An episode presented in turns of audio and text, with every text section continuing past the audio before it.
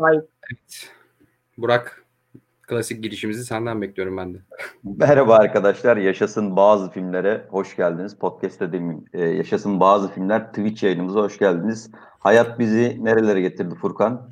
Ee, bayağı şu an hiç anlamadığımız e, bir olaydayız. Gerçi geçen YouTube canlı yayından birazcık şeyimiz oldu. E, ne denir? E, alışkanlığımız oldu ama Twitch ilk defa ben Twitch yayın yapıyorum. E, şimdiden bir sürçülisan edersem kendi adıma bildiğim kadarıyla Furkan da ilk defa yapıyor. Bir sürçülisan e, olursa kusurumuza bakmayın. Zaten Diyelim bir e, gol e, özetiyle telif yiyen tek sinema e,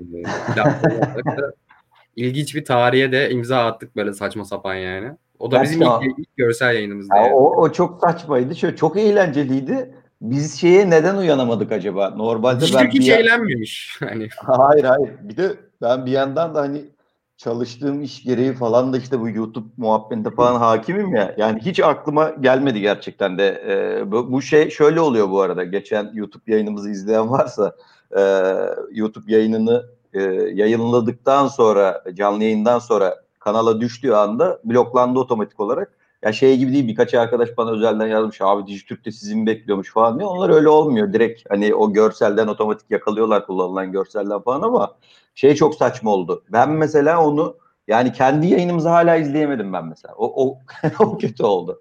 Podcast'ı evet dinledim ya. ama. Birkaç kişi yazmış mesela bizim Twitter hesabına DM'den gel, gelmiş abi nereden izleyebiliriz diye. Dedim ki yok. Hani, ben de bir ben de izleyemedim. Yani. yani bizde bile yok dedim yani podcast olarak ama sonra SoundCloud ve Spotify'da vardı sesli olarak sadece. Zaten abi biz varız, tipimiz varız yani çok da izlenebilecek bir şey diyor. Hani, tabii tabii. Dinlemeleri de yeter bizim için. Ee, ne yapıyorsun, ne ediyorsun? Bir konulara geçmeden önce bir halini attığını sorayım. Yani bi- biliyorsun durumları şimdi burada bir daha tekrar konusu açmayayım. Onun dışında fena değil evdeyiz. Evde işte kapanmıştık zaten uzun zamandır. Yani bu dışarı çıkmayan tayfadanız biz de eşimle beraber. E, hala iyiyiz. Daha da kapandık. E, ama akli dengemizi korumaya çalışıyoruz. Oyunlara verdik oğlum kendimizi. Oyun ve dizi, film olarak böyle bizim için çok geek bir yıl oldu. Öyle diyeyim sana. Aa, evet. Ya bir birazcık öyle oldu. Benim için de, benim için de öyle oldu. Bir iş yoğunlaşıyor ilginç bir şekilde. E, çünkü ben işte müzik sektöründe çalıştığım için ee, geçtiğimiz hafta bu özellikle bu Spotify'ın o, o şeyleri yayınlamasından sonra insanlar ne dinledi falan filandan sonra işler iyice yoğunlaştı. İşte onların analizleri falan filan bilmem ne e, konuları artıyor doğal olarak. Ya benim için de şey oldu. Çok garip bir yıl evet bir yandan. Bir yandan da ya istemediğim bir şekilde hayvan gibi çalışmak zorunda kaldığım bir yıl oldu. Yani evet. o, o, o, o biraz garip oldu. Yani şey gibi e, birazcık çok daha fazla böyle Covid olmasa çok daha fazla film izlerdim ben galiba. Ben var o geçen onu konuşuyorduk ya bir şeyle Bahar'la. Ee, şey dedim hani daha başında lan eve kapanıyoruz. Hem daha az para harcarız hem böyle biraz daha kendimize ilgileniriz falan diye düşündüm. Hatta böyle hani blog işte Twitch olmasa da başka bir yayında bizim podcast'te daha süsleyip püsleyecek böyle bir şeyler düşünürüz ederiz falan diyordum da o kadar zaman ve enerji bırakılmadı ki. Yani iki haftada bir yaptığımız programı bir ayda bir ayda bir yapmaya falan başladık hatta yani yoğunluk yüzünden. Zaten festival, film çıkmıyor, şey yapmıyor. Hani gündemimiz de çok yoğun olmadı. Bazı saçma salak yorumlar çıkınca anca biz de böyle bir konuşacak alan bulduk kendimize.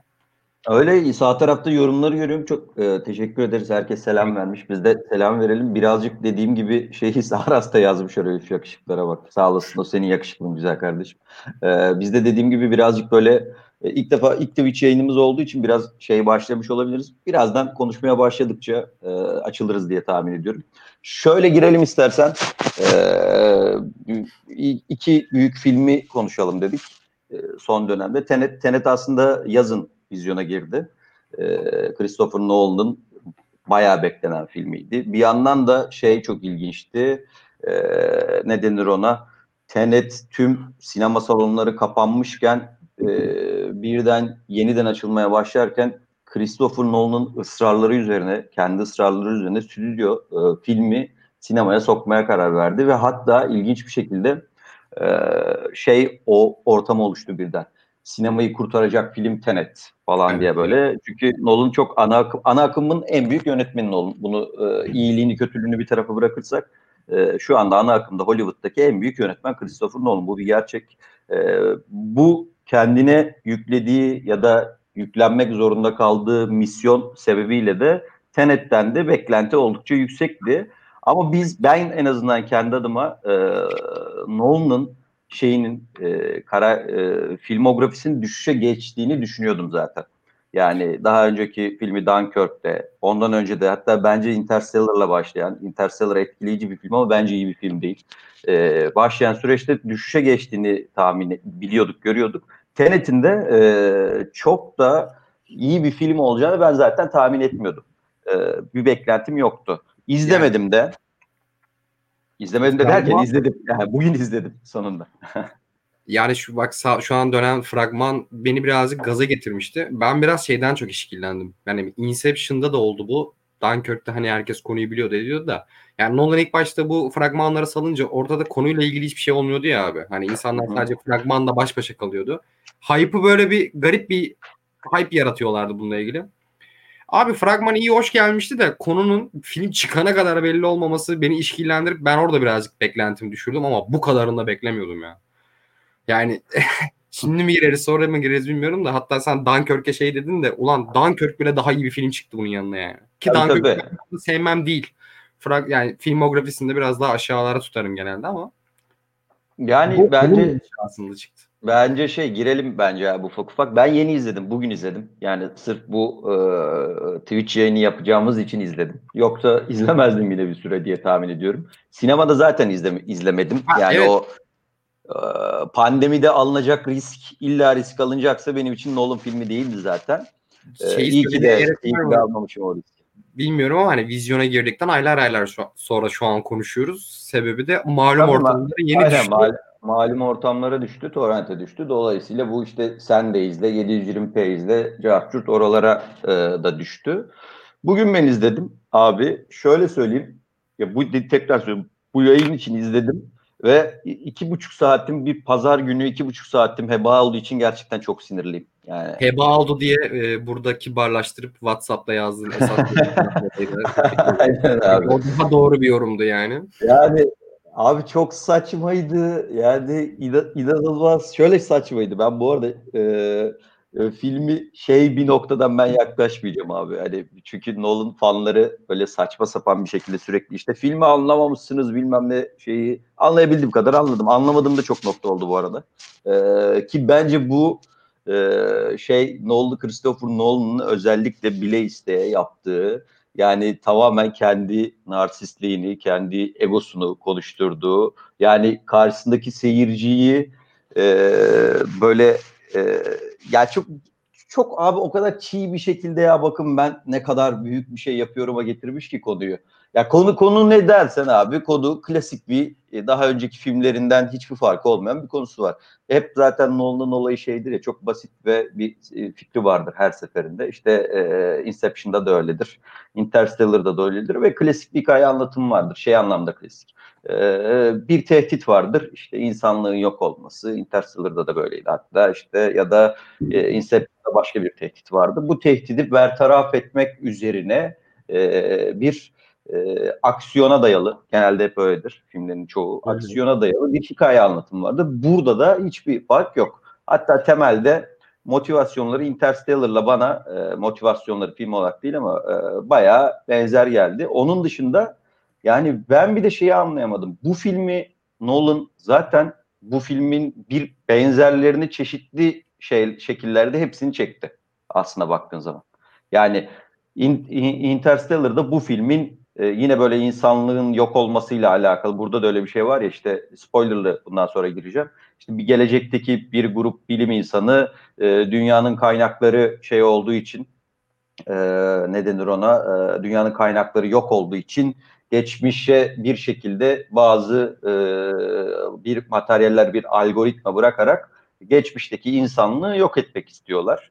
E, yani bir insanlığın yok olmasıyla alakalı. Inse, şeyde Interstellar'da da e, hatırlarsan o toz bulutları, mısırların e, artık ekilememesi gibi yine insanlığın Çok kendi sonunu vardı.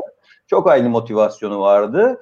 E, burada da abi bunu yapıyor yine ama mesela bir yandan çok öykündüğü hep zaten şey der. E, hani hep bir Bond filmi çekmek istiyorum der ya böyle ara ara çıkma Aha. çıkma yapar.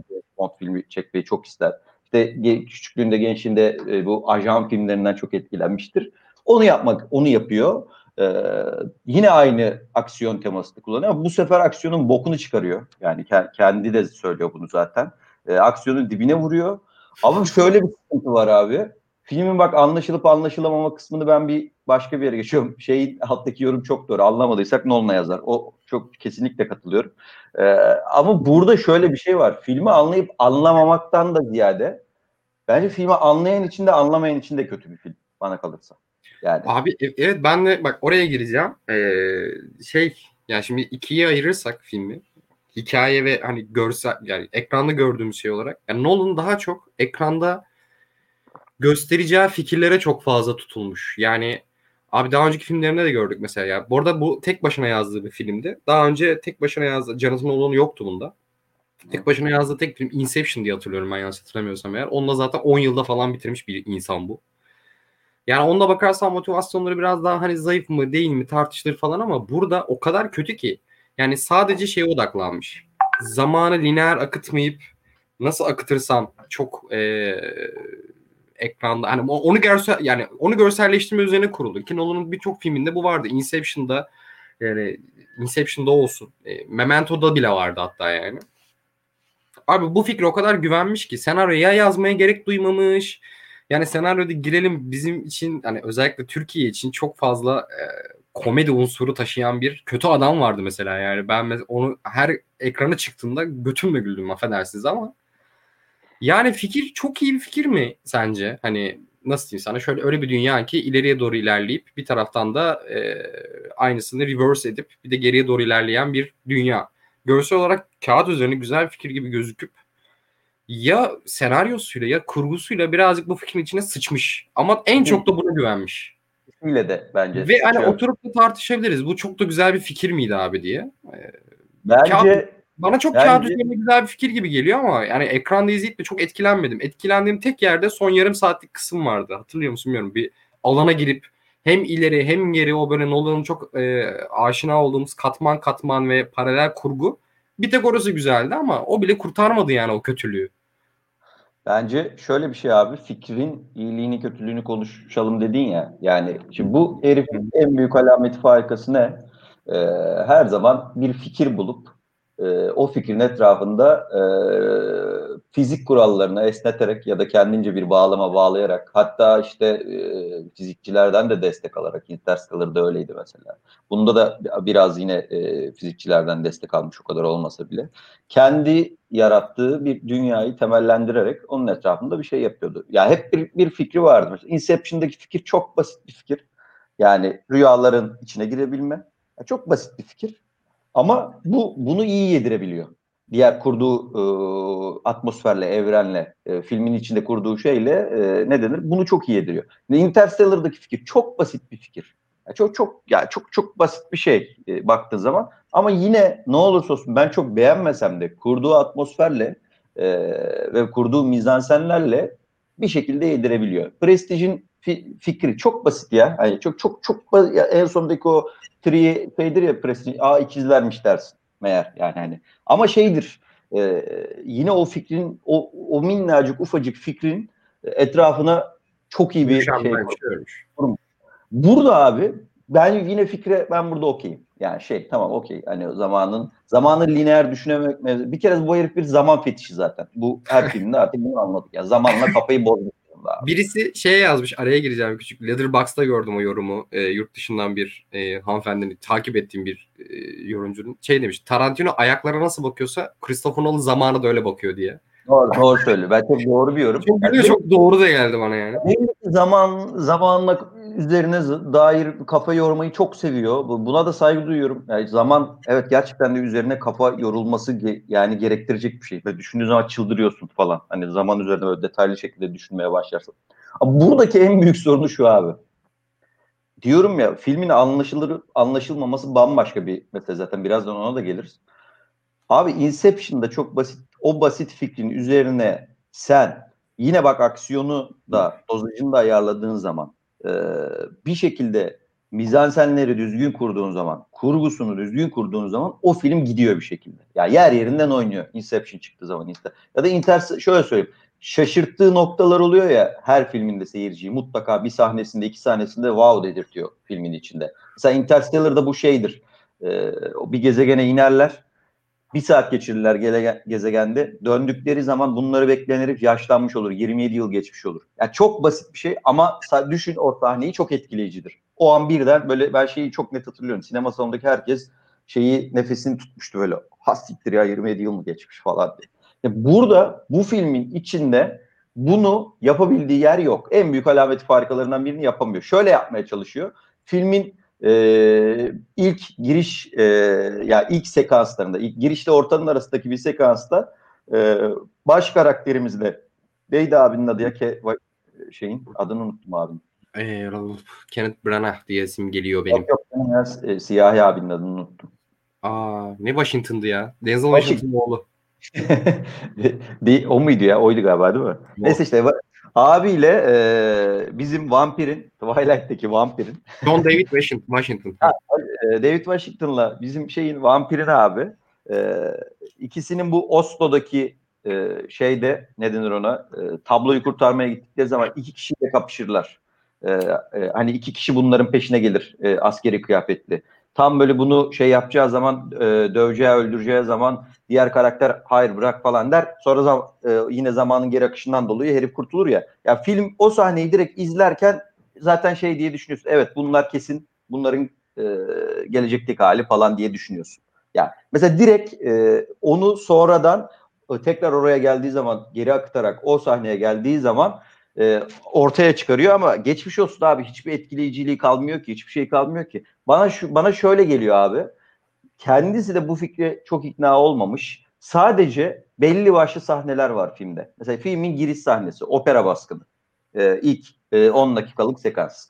Ondan sonra koca koskocaman Boeing miydi artık o uçak? Bilmem kaç evet tonlu uçağı e, şeye sokmak e, ne denir ona hangara sokmak. Onu gerçekten çekmiş manyak mesela. Ya yani. bir de ona çok güldüm ben bu arada ya. Yani neyse sen devam et. Oraya ben değineceğim abi tekrar ya. Doğru abi e, bu şeyi algoritmanın parçalarından birini e, ku, şeye kaçırırken dört tane aracın işte araya alması itfaiyenin işte şu an ekranda da gözüken sahnelerden biri e, itfaiyenin kamyonun işte dörtlü araya alıp oradan onu e, kurtarmak. Sonra o, o doğal olarak Matrix e, filmindeki otoban sahnesini a, e, anımsatan otoban e, şeyi ne denir ona e, otobandaki yakalamaç sahnesi. Sonra e, filmin sonlarında o Rusya'daki e, kayıp şehirde senin de biraz önce dediğin görece etkili diyebileceğimiz aynı anda iki yani. farklı hem ileri hem Görsel olarak etkileyici. Bana kalırsa sadece bu sahneleri çekebileceğini gösterebilmek için. İşte onu diyorum. O, o ona güvenmiş. Yani ben Aynen. ben ekranda öyle e, görsel bir manyaklık öyle bir ilginç kurgu yapacağım ki. Yani sihirbazlık gösterisi yapmış açıkçası yani. Ko- kontekst yok, konu yok, bilmem ne yok. Sihirbazlık gösterisi. Bir illüzyon gösteriyor yani. Ve buna bayılmamızı beklemiş yani. Evet abi. Hani sinema sadece bu dinamiklerden ibaret değil yani. Sadece göreyim, edeyim hani ve başka hiçbir şey anlatmasın değil yani. Geri kalan bütün e, işte dinamikler yani hikayesi olsun, e, çatışması olsun, bağlama olsun o kadar kötü ki işte o, o fikir bile bence onların altında kalmış. Yani bence Abi, fikir, çalışılabilir bir fikir ama geri kalanlar o kadar kötü ki. Ya o fikir de yemiyor zaten sana yani. Abi 5 tane 6 tane ana karakter diyebileceğimiz karakter var işte. Ee, David Washington var. Robert Pattinson var bir yandan. İşte onun yanında. İşte El Debichki abla var. Bir 90'lık abla. Ee, işte kötü karakter var. Kötü e, bir yandan Hintli abla var. Ya bir sürü normal şartlar altında olan bir de dünyanın sonundan bahsediyoruz hani. Büyük bir mesele var ortada. Abi hiç kimsenin motivasyonunu tam olarak anlayabildin mi mesela? Hiç kimsenin. E, e, pardon herhangi bir bir tanesini hiç kimsenin değil mi? Herhangi bir tanesinin böyle ya bunu yapıyor ama motivasyonu şu, altındaki sebep şu. Hiç ya zerre yani tamam her karakterin derinliğine inanılmaz girmek zorunda değilsin ama ulan bari en temel motivasyonlarını bize işte göster. E, yani bir, bir şekilde ikna olalım biz bu hikayeye. Ama yani şöyle dediğin gibi senin gibi hikayenin e, ikna edici tüm unsurlarını Ben bakın böyle bir yönetmenin bunu çekebilirim üzerinden kurmaya çalışırsan olmuyor bence. Abi bir de şöyle bir şey var. Şimdi dönüp e, önceki filmlerine bakıyorum. Şimdi hani hepim yani sinemada hani yani şimdi bilim kurgu ve yani Nolan'ın türünü oynadığı türü kenara bırakıyorum. Daha realistik, daha dram filmlerinde. Abi kendine bağ kurabileceğin bir duygu, bir durum, bir fikir, bir mantık, bir motivasyon oluyor genelde. Şimdi Nolan'ın filmlerine baktığın zaman Nolan'ın filmleri hep böyle teoriler üzerine kurulu oluyor. Yani what if filmleri oluyor. Yani mesela Memento'ya baktığında amnezi yaşayan, hafıza kaybı yaşayan bir karakteri görüyoruz. Hiçbirimiz öyle bir şey yaşamadık ama onu öyle bir kurguda anlıyor ki, anlatıyor ki biz baş karakterle izlediğimiz şey üzerine bir empati kurabiliyoruz. Inception'a bakıyorsun rüyalar. Her insan rüya görüyor abi. Rüyalar üzerine bir teori atıyor. Rüyaları katmanlara bölüyor. Bunu çok güzel görselleştiriyor. Bunu da yiyoruz. Çünkü orada bir bağdaştırma en azından tamamına hakim olmasak da bildiğimiz birkaç konu bir tema oluyor orada. Interstellar da keza öyle. Hani uzay, işte zaman bükülmesi, kara delik o bu şu hepimizin 3-5 ucundan yakaladığı bildiği yani bir Wikipedia'da okuduğu bir konu aslında yani ve bunun üzerine zaten bir teori atıyor ortaya yani kara deliğe girip o 5. boyutta geçen o ve sonra sevgiye bağlanan saçma kısımlarından bahsediyorum. Burada ise abi farkındaysan herhangi bir şekilde bağdaştırabilecek bir mantık yok. Bu daha fantastik bir şey. Yani gelecekte bilim adamları böyle bir şey buldu. İşte e, reverse etti. Bilmem, bunu bir alet tarafından yaptı. Hani bu herhangi bir gerçek hayatta herhangi bir yerde okuyabileceğim bir şey değil şeyi demeye çalışıyorum. Hani fikri de bu kadar çok kanalize olamamamızın sebebi bu. Bu Nolan'ın kıçından attığı bir teoriydi aslında. Hani böyle bir mantık var abi diye attığı bir şeydi. Senin dediğin şeye geleceğim. Mesela Nolan'ın bütün bu özellikle bu katman katman yaptığı bol e, karmaşık kurgularda hep karakterlerini anlatıyor abi. Sinema gösterme sanatı olmasına rağmen Nolan'ın karakterlerini konuşarak birbirlerine bu mantığı anlattığı sahneleri biz yiyorduk. Inception'da nasıl rüyalar hakkında sürekli karakterler birbirleriyle konuşuyordu. Arada görselleştiriyordu tabii. Hani nedenini, mantığını, işte o paradoksları bilmemleri falan. Burada ben senin dediğin gibi hiç motivasyona inanamadım. Ve motivasyonları o kendi aralarındaki karakterlerin kendi arasındaki konuşma o kadar donuktu ki. Bir yerden sonra şey dedim. Hani Lantimos'tan şey mi almış, taktik mi almış? Çok donuktu.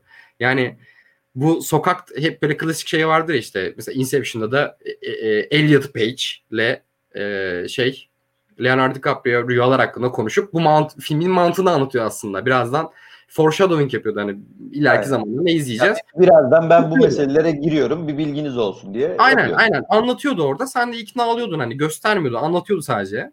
Okey burada da var aynısı abi. Hani e, şeyle e, David Washington'la bizim Vampir Boy Robert sokakta Pattinson. konuşuyor ve o kadar donuk, o kadar saçma konuşuyor ki hani böyle böyle yapacağız, uçak patlatacağız. Neden abi? Hani e, şimdi bir filmi diyorum ki soygun sahnesi oluyor. Şimdi izlediğim bütün soygun filmlerini düşünüyorum ve bunların en Hollywood'unu düşünüyorum. Mesela Ocean's Eleven. Ocean's Eleven içinde bile bir zeka vardı ya. Hani o kurguyla bilmem ne hatırlarsınız. O, o bile yok. Herif ona bile kasmamış. Ha, burada böyle güzel kurgu oyunları yapabilirim. Güzel zekice bir çalma, bir soygun hikayesi anlatabilirim demiş. Dümdüz uçak patlatalım. Neden abi? Anladın mı? Bu motivasyonlara çok fazla kitlenemiyorsun. Yani senaryonun çatışmaya girdiği hiçbir noktada ikna etmiyor seni ve kafa karıştırıyor. Ben bir ara ya izlerken durdurup Bahar'a sordum ya dedim ki şu an dedim şu e, tabloyu çalmasının sebebini sen anladın mı ya dedim. O kadar hızlı konuştu ve o kadar çabuk ve donuk anlattı ki onu. Yani kaçırdım yani böyle. Yani bu benim salaklığım mı bilmiyorum. Çok Nolan hayranı insanlara şey diyor. Siz anlamadınız, salaksınız. O yüzden sevmediniz diyor. Hayır abi ikna edemedin Nolan yani. Nolan o karakterler yani göstermedi. Karakterlerini konuşturmayı yeğledi. Bu mantığı anlatmak için. Ama o kadar salakça anlattı ki. Yani sonra dedim hani gerizekalı olamam herhalde deyip böyle baktım abi çoğu insan senin dediğin gibi filmde geçen işte hikaye şey tabloyu çalmak, kadını kurtarmaya çalışmak, kadının neden bir e, challenge içinde olduğunu falan herkesin kafası inanılmaz karışmış. Yani göstermeyip sadece konuşturmuşsun ve onu bile kafa karıştırarak anlatmışsın. Yani sadece diyalog ya. Sadece diyalog. Diyaloğu bile yazamamışsın yani. Ya filmin ya. en fail noktaları bu. İşte bunlar kötü olunca senin o çok e, bağlandığın fikir birini ileri işte birini geri şey yapacağım edeceğim e, yani çok basit anlattım böyle kusura bakmayın ama hani işlemiyor. işleyen yerlerde bak benim sevdiğim iki sahne bir dövüş sahnesi vardı. David Washington'ın kendisiyle ilerideki. O, Hmm. orada şey dedim sadece. Oha buraya nasıl çektin? Hani Evet. iki kamera mı koydun? Ne yaptın? O çok hoşuma gitti. Bir de senin dediğin gibi terk edilmiş o Rusya'daki o topraklardaki o büyük o hani çatışma sahnesi. Onunla çekimleri çok hoşuma gitti ama farkındaysan sevdiğim sahneler de konteksten tamamen, bağlamdan tamamen bağımsız. Hikaye anlatmadığı sadece gösterdiği alanlar yani. Ya Bunu şey söyleyecektim. Yok doğru doğru. Mesela işte filmin başında belli ki kötü birileri var. Bir e, ajan ifşa olacak. Ya bunlar kim mesela? Yani e, hani onlar Rus mafyası mı? Be- Ben mi anlamadım hani Rus hükümeti mi atıyorum? Yani daha sonra bir mesela orada bilim e, bir tane kadın var işte bir bilim insanı. O böyle bir 3 dakika 5 dakika ilk bu meselenin ne olduğunu anlatıyor. O kadın kim? Ya tamam okey CIA ise bunu biraz daha detaylandır mesela. Abi daha sonra o işte Hintli bir avla devreye giriyor. Belli ki baya bir ağırlığı var şeyde. Şey çok e, komik değil miydi Burak ya? Ee, bizim vampir boyla. David Washington kendi aralarında hani nasıl çalacağız edeceğiz abi falan diye konuşurken çat diye e, bir tane adam geldi. Bu da bize yardım edecek falan. Ulan sen kimsin? Ve bu bir e, tamamen gizli bir operasyonsa sen nasıl laps diye girdin orta? Hani o kadar dedim ya Lantimos filmde de böyledir ya böyle hani daha donuk bir oyunculuk vardır her şey oldu bitti. ama adamın tarzı odur ve filmin tarzı odur. O yüzden yersin. Orada o kadar güldüm ki ona. Bir ona bir de şeye çok güldüm mesela. Kadın işte nefret ediyorum adamdan bilmem ne falan diyor. Sonra denizde açılırken bir an durduk yere aşağı atıyor onu. Evet. Ya aşağı atması saçma değil ama adamın bu kadar tehlikeli olup e, yani onu orada öldürmesini beklemesi, adamın gelip hiçbir şey yap. Hani çok çok komik ya. Bir Samanyolu TV böyle kaymak gibi anlatır ya böyle mesaj içerikli. O kadar komik geldi bana ya oraları. Abi e, bir de yani sonu falan da öyle. Meğer işte Robert Pattinson hep işin içindeymiş. Bunlar bir ekipmiş falanmış Hiç da mimiksiz izledim oraları Bir ya. de şey çok bariz abi yani kim kimle kime çalışıyorsun cevap vermiyor. Sana çalışıyor belli anladık. Sen, sen bu Evet. zamanda yani zamanı lineer düşünmüyoruz. Okey sen belli ki bundan sonra hikaye daha da ilerleyecek. Bu mesela sonuna da bir açık kapıda bırakmış. Belki devamını çekerim falan diye diyor ya. Daha senin hikayen yeni başlıyor falan. Allah'ın varsa devamını çekme. Bak Allah Allah'ın adını veriyorum Chris- Christopher Nolan. Ya da çekeceksen ne olur kardeşini yanına al.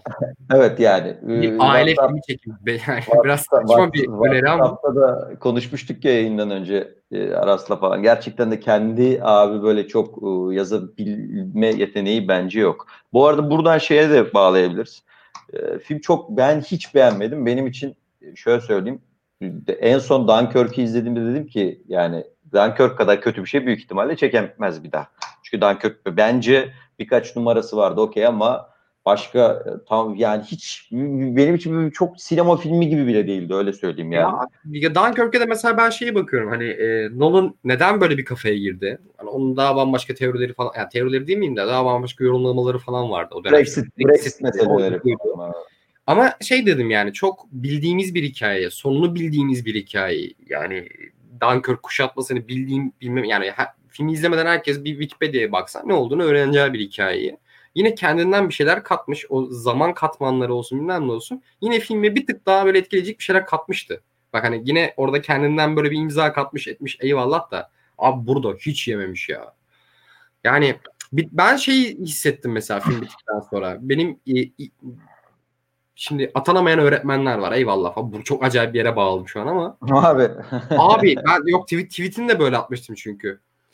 Yani sınavda bilerek yanıltmak için soru soran, ya soruda yanıt bilerek yanıltmaya çalışan öğretmenler vardı. Öyle, öyle bir öğretmen kibri vardır yani. Sana öğretirim ederim ama öğrettiklerim de sana tuzaklarla sorarım. Hani ve onu kendimizi iki... Ben Nolan ya film bittikten sonra Nolan öyle gördüm gözümde. Ve böyle bir kibre girmiş yani. Çünkü elinde hiçbir şey yok. Bana dolambaçlı bir şey anlatıyor ve dolambaçlı anlatmasının bir sebebi yok. Hani izleyici olarak dolayısıyla gıcık oluyorsun orada. Sinir oluyorsun yani. Ya sadece kafa karıştırmaya oynamış. Ya salt amacı buymuş gibi geldi bana yani. Şöyle filmin içinde bu zaten bunu diyor ki e, aslında seyirciye söylüyor orada. Şey diyor.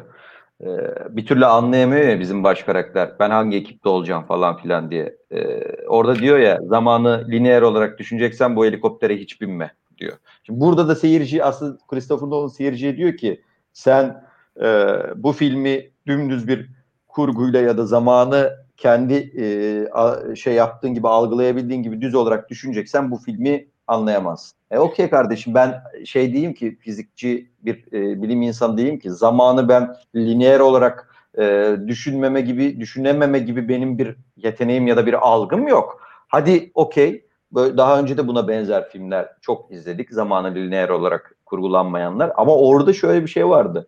Ee, orada burada kurgu çok önemli.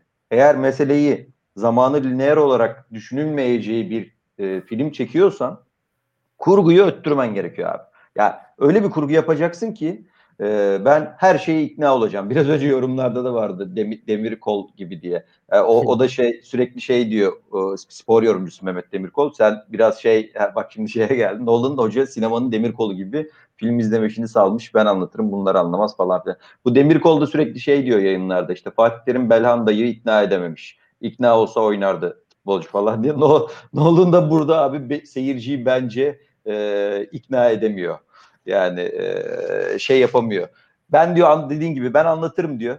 E, ben çok zekiyim diyor. Bu bence bu arada olayı buradan yaklaşmak lazım. Christopher Nolan hayatımda gördüğüm e, en büyük e, güç zehirlenmelerinden birini yaşıyor benim şeyde Hollywood'da ya da sinemaya dair gördüm. Çünkü ne sebeple çok inanılmaz bir yerden başlatıyor başlıyor sineması. Çok bambaşka bir noktadan başlıyor. Memento'lar, Following'ler falan. Sonra abi işte Prestige gibi e, şey gibi e, Inception gibi Interstellar gibi göre çok çok büyük prodüksiyonlar yapıyor. Ve şu an bu Tenet de dahil olmak üzere son dönemde son 10 yılda bakarsak Hollywood'da en fazla filmi merakla beklenen yönetmen kendisi. Dünya üzerinde e, en bilinen Amerikalı yönetmen belki de kendisi. Dünya üzerindeki yüzde doksanı çok toksik olmak üzere en büyük fan kitlesine sahip yönetmen kendisi. Çok toksik İnanılmaz. Ya, ya da Türkiye'de mi toksik onu merak ediyorum. Hayır, yok yok dünyada toksik bu. Yani bizde bizde de toksik ama ben onu birazcık araştırmıştım. Dünyada böyle Nolan fetişi e, yani şeyi sadece sinemayı şey üzerinden okuyan bir sürü insan var. Öyle de okuyabilir herkes.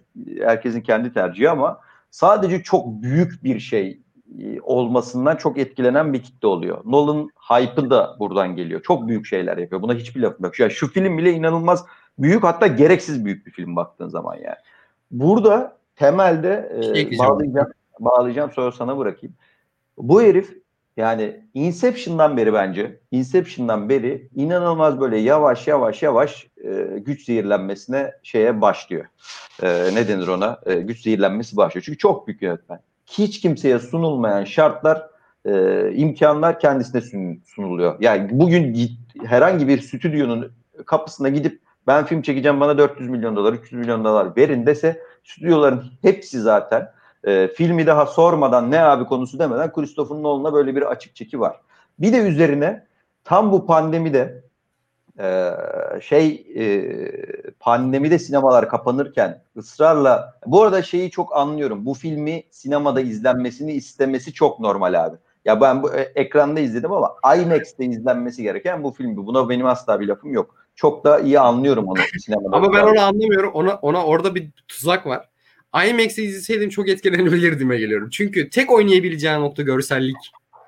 O yüzden bu filmi illa IMAX izleyin, illa sinemada izleyin diyorsa bu filmi sevmemizin tek yolu sinemada ya da IMAX izlememiz. Evet gerçekten de öyle. Yani. Burada kusura var yani güzel film gerçekten 440p izleseniz bile güzel filmdir yani.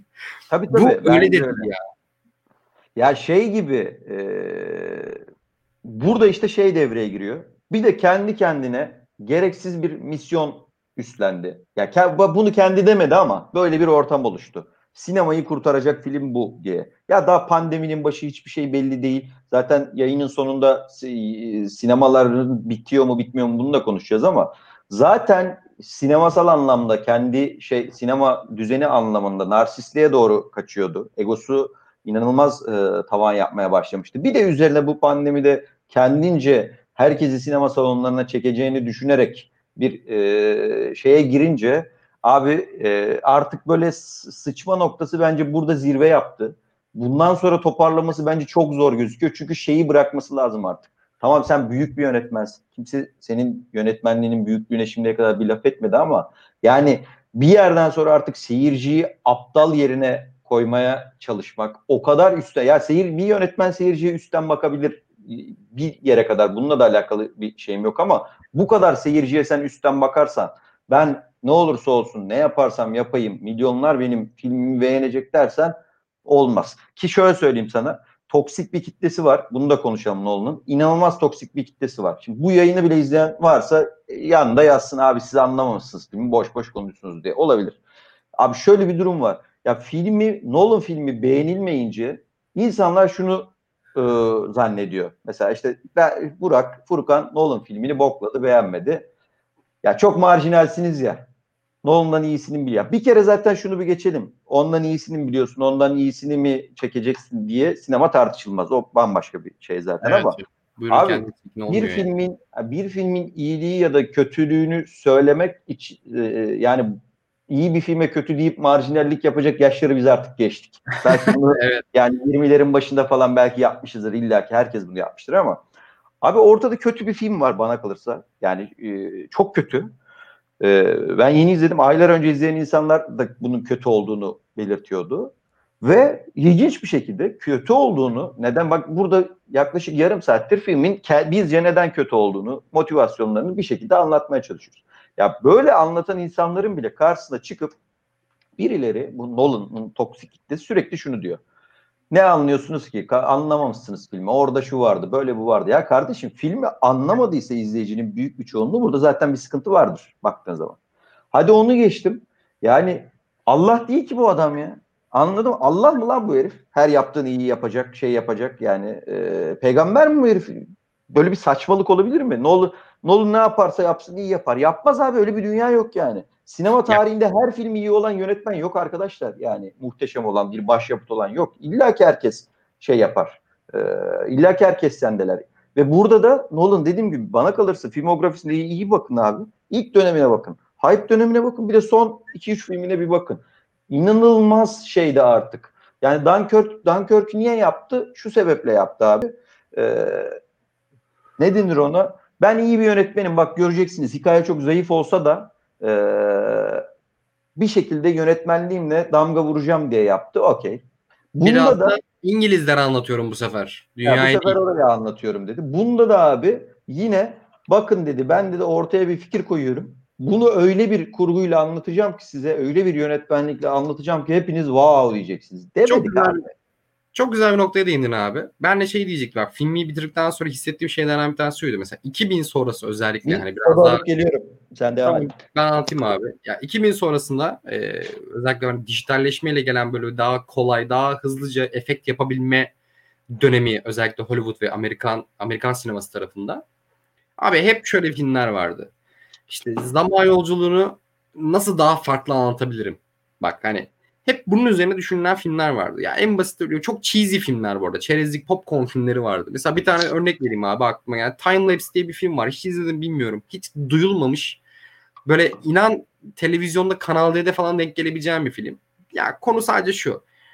Ee, bir evde yaşıyorsun. Üç arkadaş bir evde yaşıyor. Yan komşusu var. Pencereleri birbirine bakıyor. Oraya bir adam, adam fotoğraf makinesi koymuş. Devasa böyle bir alet o, foto o, fotoğraf makinesi yarının fotoğrafını çekiyor. Ondan sonra karakterler görüyor ki her gün işte yar yani bir sonraki gün kendilerini camda gösterip bir şey yapıyor. Mesaj veriyorlar bilmem ne yapıyorlar o yapıyor. Bu. Bak bu bir zamanı nasıl daha farklı zaman yolculuğunu nasıl daha farklı anlatırım üzerine kurulu bir film. Bakarsın biraz düşük prodüksiyonlu B sınıfı film. Abi B sınıfı film kategorisine girdiğimizde abi bu zaman yolculuğu ya da işte bu daha nasıl diyeyim lineer anlatım dışında farklı anlatımda o kadar fazla film var ki ben film bittikten sonra şunu söyledim ki birçok insandan bu yorumu gördüm. Tamamen yüksek prodüksiyonlu ve ünlülerin olduğu bir B filmi. Yani sadece bu fikri oynamasından dolayı diyorum. Hani adam sadece ben bunu böyle anlatacağım. Ekrana inanılmaz ilginç bir şey yansıtacağım. Böyle size lineer akmayan bir zaman bunu bir tek ben yapabilirim. Bu arada doğru. Bence bunu sadece Nolan gösterebilir diye düşünüyorum ben hala. Bunu iyi ya da kötü demiyorum. Hani bu, bu mevzulara kafaya takmış bir yönetmen olarak bunu hakikaten e, Nolan güzel bir şekilde yönetip e, ekrana yansıtabilir. Ama hani bu fikir tek başına yetmiyor. Yetmiyor abi. Yetmedi yani. yani.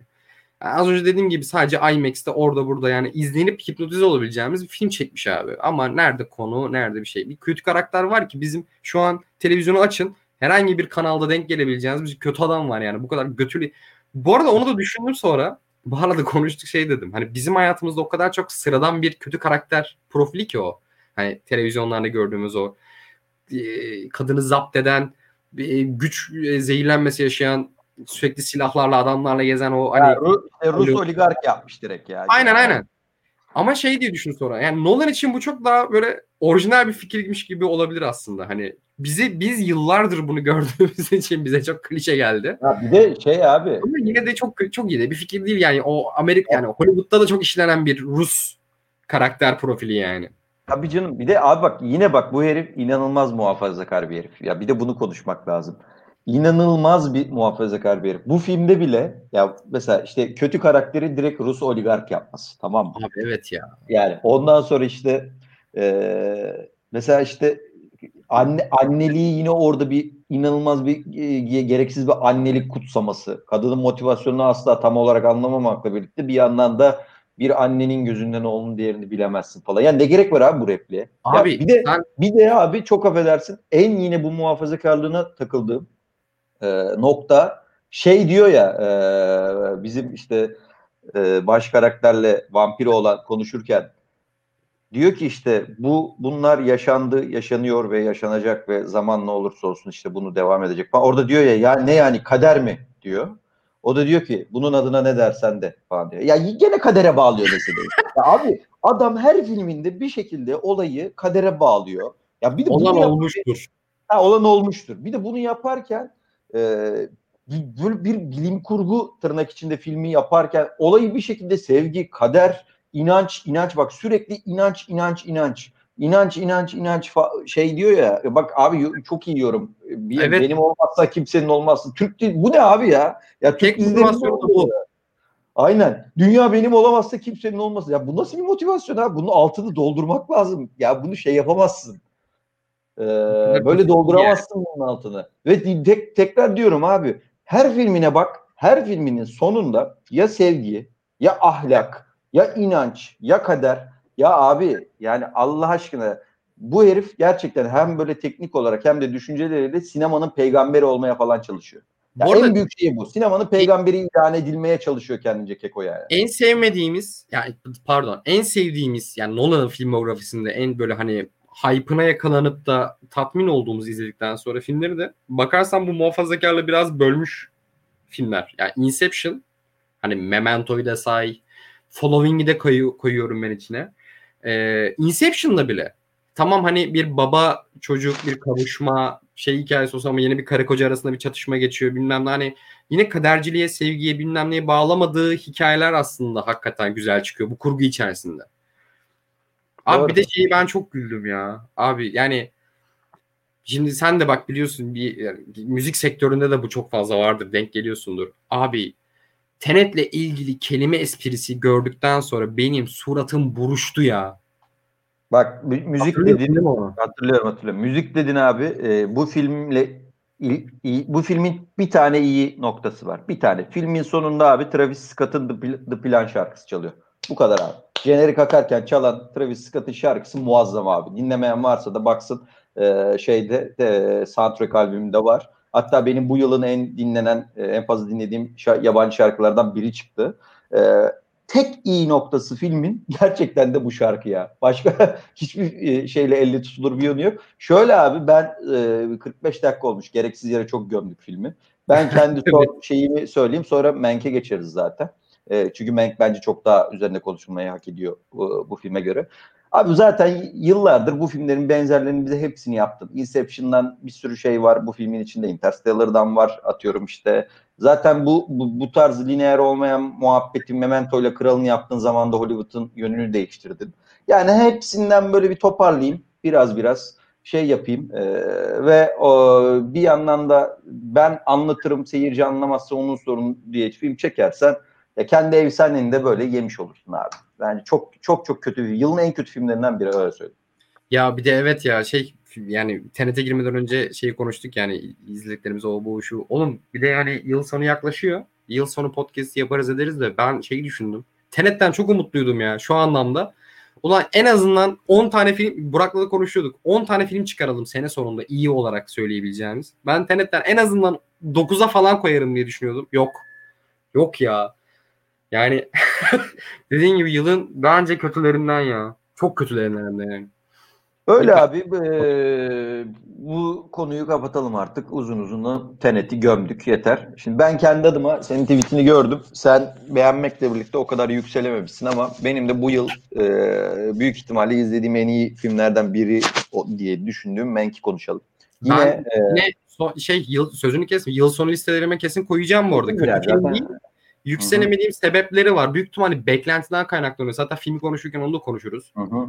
Ondan onu, dolayı. Onu konuşalım abi. Şöyle bir durum var. Ee, nasıl Nolan filmleri bekleniyorsa o kadar hype'lı olmasa bile e, David Fincher de Hollywood'un en büyük yönetmenlerinden biri. Hatta belki de e, Nolan, Scorsese, Fincher üçlüsünü ilk akla gelen mesela sayabiliriz. Çok büyük bir yönetmen ve bekleniyordu e, filmi de. Uzun çünkü çok e, yıllardır bir film çeksin artık diye bekliyorduk.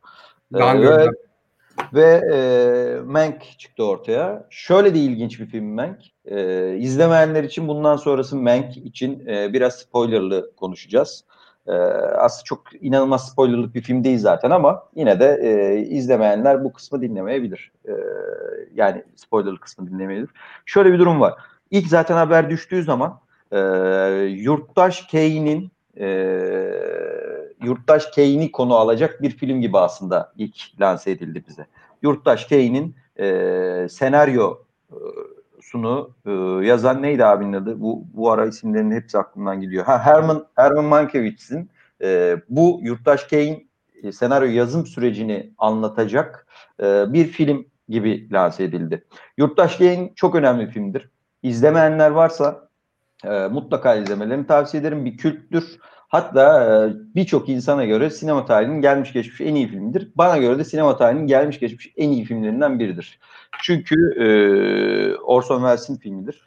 1940'larda e, Hollywood'da bir şekilde e, özellikle senaryosunun etkisiyle yön değiştir yön değiştiren filmlerden biridir. Yön değiştiren filmlerden biridir. Ve oldukça da tartışmalı bir filmdir. Şu açıdan tartışmalıdır. Orson Welles otör kavramı diye bir kavram vardır sinemada. Hı hı. Bunu bilen biliyordur ama ben bilmeyenler için kısaca anlatayım. Yani hem yazıp hem yöneten demek otör. Ee, yani öyle değil aslında ya. ya tam öyle değil ama en, en basit şekilde Kendi, kendine has özgü ya özetliyorum bu arada tam yine kelime şey karşılığı değil. Kendine has özgü bir sinema dili olan hı hı. An, yani yönetmen. Tabii ama bunun içine şey de sayılıyor. Yani kendi de yazıyor filmi. Hı. Yani anlatabildim? Mesela Fincher otör yönetmen değildir bence baktığın zaman. Tabii ki kendine nasıl bir sinema dili var ama kendi yazmıyor. Ee, Orson Welles bu otör kavramının Hollywood'daki ilk temsilcilerinden biri. Orson Welles de ilginç bir herif bu arada. Ee, şöyle kendisi radyocu ve tiyatrocu normalde New York'ta. Ee, Amerika'nın doğu yakasında. Sektör Hollywood zaten e, Kaliforniya'da Los Angeles'ta. Orson Welles öyle ilginç bir şey ki e, öyle ilginç bir e, herif ki özellikle o kadar radyoda başarılı ki bu Dünyalar Savaşı muhabbetini evet e, ya, mükemmel olay. Galiba. Radyodan anlatarak bu hikayeyi Amerika'nın büyük bir kısmına gerçekten Marslıların, uzaylıların dünyayı işgal ettiğini inandırabilecek bir e, dile yatkınlığı ve e, etkileyiciliği var. Ses tonu da acayiptir bu arada. Çok genius bir herif. Bu herif 1940'lar 30'ların sonunda e, bir şekilde Los Angeles'a transfer oluyor. Los Hollywood'a. Hollywood'da o dönem şöyle bir şey var. İlk defa yani bu stüdyolar e, şey yapmaya başlıyor. E, e, stüdyolar artık ağırlığını yavaş yavaş sektöre koymaya başlıyor. Stüdyo kavramı yani yeni yeni oluşmaya başlıyor. Filmde de var zaten işte Metro Golden Mayer, e, Louis V. Mayer'ın olduğu şey e, özellikle çok konuşuluyor filmde. O dönemde abi Orson Welles resmen şeyin sektörün o da yönünü değiştiriyor. Özellikle bunu ilk filmi e, Yurttaş Kane'le yapıyor. Şu, yanda abi şeyi gördüm. E, yorumlarda arası sormuş galiba e, Harıcı oradan. E, abi Citizen Kane harbi iyi mi yoksa tarih olarak büyük etki yarattığı için mi bu kadar övülüyor? İkisi de aslında bence. E, yani boşuna izlemeyelim deme. Bence izle abi e, Harry Jordan. E, tabii ki tarihsel etkisinden dolayı da çok büyütül, e, büyütülüyor ama bir yandan da gerçekten de çok büyük bir film. Ee, Sinema çok anlamda da yenilikler getirmiş bir filmdir bu arada. Hani özellikle derinlik, sinemada özellikle kamerada derinlik açısında hani en böyle bariz bir şekilde göze sokarcasına yeni yeni hayatımıza sokan filmlerden bir tanesi. Bu arada bu sadece bir tanesi diyebiliyorum ben. Yani yenilik çok, Bu arada çok uzun bir filmdir. Çok uzun bir film olmasına rağmen film içine çok iyi alır. Ee, Su gibi akar. Yani aynen öyle Aras da yazmış sağda yorumda.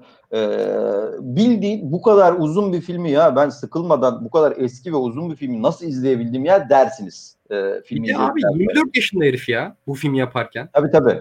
Burada tek, tekrar şeye bağlayacağım. Yaştasın yani. İnanılmaz, inanılmaz ve şuraya bağlayacağım. Bu filmin tartışmaları hala devam eder senaryosuna dair. Çünkü Herman bu filmde de zaten Herman Mankiewicz'in senaryoyu yazdığı anlatılıyor Mank'te. 1900 e, kaçta 70'lerde galiba New Yorker'da falan bir şey e, bir kadın sinema yazarı şey diyor. Pauline Kael bir makale yayınlıyor. Diyor ki burada notlarından okuyorum abi şu an. E, diyor ki aslında Orson Welles'in ismi senaryo yazarları e, arasında yer almayı hak etmiyor diyor. E, ve diyor aslında bu filmin senaryo yazarı Herman Mankiewicz'tir diyor. Zaten bu, Mank filminin finali de birazcık bunun üzerinedir bu arada. Evet. İzlemeyenler için tartışma 70'lerden beri devam ediyor. Yurttaş Kane'in senaryosunu kim yazdığı üzerine de e, e, tartışma devam ediyor. Burada e, David Fincher çok açık bir şekilde yazardan taraf oluyor. Yani e, diyor ki bu filmin senaryosunu normalde Herman Mankiewicz yazmıştır diyor. Ama e, tekrar şeye geleceğim.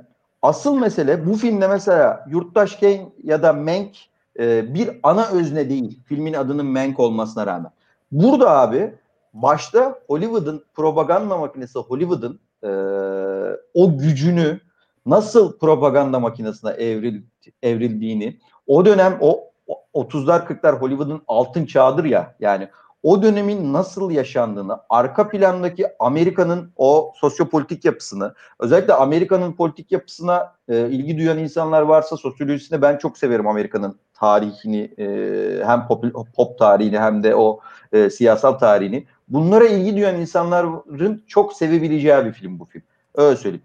Ya asıl film ilk haberlerinden ve fragmanından sonra izlemeye başladığın zaman herkesi ters köşe yatırdı. Herkes çünkü şunu bekliyordu bu filmin senaryo yazım sürecini anlatacak. Tamam okey anlatacak ve özellikle Mank'in zihninde bir biz e, şeye çıkacağız. E, çok e, karmaşık bir yolculuğa çıkacağız. Hiç öyle değil abi. Bu olmakla beraber asıl buradaki olay David Fincher'ın yani Hollywood'un en büyük yönetmenlerinden biri bu herif. E, hala öyle. Yani çok iyi filmleri var. Bir iki tane film hariç e, burada zaten e, ayrı bir podcast yapmıştık. Geçen YouTube yayınımızda da konuştuk. Zodiac'lar, Seven'lar, Fight Club'lar yani işte Gone Girl'ler, Social Network'ler inanılmaz filmleri var. Bu herif Hollywood'un en büyük yönetmenlerinden biri. Hollywood'un içinden çıkan bir herifin Hollywood eleştirisi. Ve beni filmdeki en çok e, tutan noktalardan biri de bu eleştiriyi yaparken, bu Hollywood eleştirisini yaparken şöyle yapmıyor. Hollywood Hollywood'un kaka olduğunu gösteriyor ama ben bir e, yönetmen olarak David Fincher olarak Hollywood'un buralarını böyle çatır çatır çatır söyleyeceğim ve bir anti kahramanlık yapacağım diye yapmıyor. Şunu diyor. Ben de bu sistemin içinden geliyorum. Ee, Herman Mankiewicz de bu sistemin içinden geliyor. Orson Welles de bu sistemin içinden geliyor. Biz bu sistemi ne kadar boklarsak boklayalım. Bu sistem çok girift ve e, aslında nedenlerin sonuçları doğurduğu yani kötü ama neden kötü? Ben bu olayın neresindeyim? Orson Welles bu olayın neresinde? Senaristler bu olayın neresinde? Yazarlar bu olayın neresinde? Stüdyolar, yapımcılar bu olayın neresinde? Yani o o şeytan Hollywood nasıl Hollywood oldu? Nasıl şeytanlaştığı çok iyi anlatıyor abi. Ve bunu yaparken de işte Ken Loach gibi kardeşim bu böyle doğru yanlıştır yapmıyor. Yine ben şeye geleceğim. Artık günümüzün politik ikliminde çok üstten bakmacı, çok sol tabirlerle yani e, bu arada film çok sol bir film. Bayağı bir sosyalizm. Bayağı film yani. E, bunu yaparken bir şekilde ama e, çok keskin çizgilerle Hollywood düşmanlığı yaparak değil, neden sonuç ilişkisi içerin, içerisinde anlatması, bu kontekste, bu bağlamda anlatması benim için çok kıymetli bir film. Çünkü e, sonra lafı sana bırakacağım, e, yine konuşuruz. En büyük, en, filmi en sevme nedenlerinden biri dediğim gibi zaten Yurttaş Game bambaşka bir şey. Mank orada bambaşka bir motivasyonu var. Bir yandan abi asıl bence filmin en sevdiğim noktası abi biz bu filmi izlerken şunu fark ettim ben. Sende de oldum bilmiyorum birinci saate falan geldiğimizde Upton Sinclair muhabbeti geçmeye başladığından itibaren filmin şekli değişiyor. Bu evet film abi. aslında temelde birçok şeyi anlatmakla beraber en büyük ana motivasyonu Upton Sinclair abi. Upton Sinclair de o kadar önemli bir insan ki aslında baktığın zaman ve bu Benim filmde film orada güzelleşiyor işte. Aynen bu filmde bir şekilde bunu yedirirken Upton Sinclair'ın üzerinden bir bağlam kurmak abi çok iyi bir noktaya götürüyor filmi. Baya böyle e, ne denir ona ee, ben oralarda elim ayağım titredi falan öyle söyleyeyim deyip sana bırakayım sonra ben bir daha alırım. Ya bak ben de senin dediğin gibi abi filmin e, Mank haberleri çıktığında fragmanları düştüğünde çok basit bir şey bekledim. Hani Citizen Kane'in yaratım süreci bu e, yıllardır senaryosu kime ait tartışmasını birazcık açık getirecek. İşte yazım sürecinde e, me, yani Mankiewicz'in yaşadığı kim filmde var bu arada hani küçük anekdotlarla var. Hani e, Citizen Kane'deki karakterler ya da o sahneler, o mizansenleri hani böyle tanık olduğu anlardan azıcık azıcık görüyoruz. Abi filmi e, bir, bir korkum oldu aslında. Şu anlamda korkum oldu. Filmi devasa bir Citizen Kane e, sinema eleştirisi olarak görmek. Hani bu film ne anlatıyordu, ne yapıyordu? Hani ayrıştı bütün böyle katmanlarına sahne sahne ve karakter karakter ayrıştırıp filmi böyle bir rehberlik sunacak diye bekledim aslında. Hani yazım sürecini de göstererek biraz da.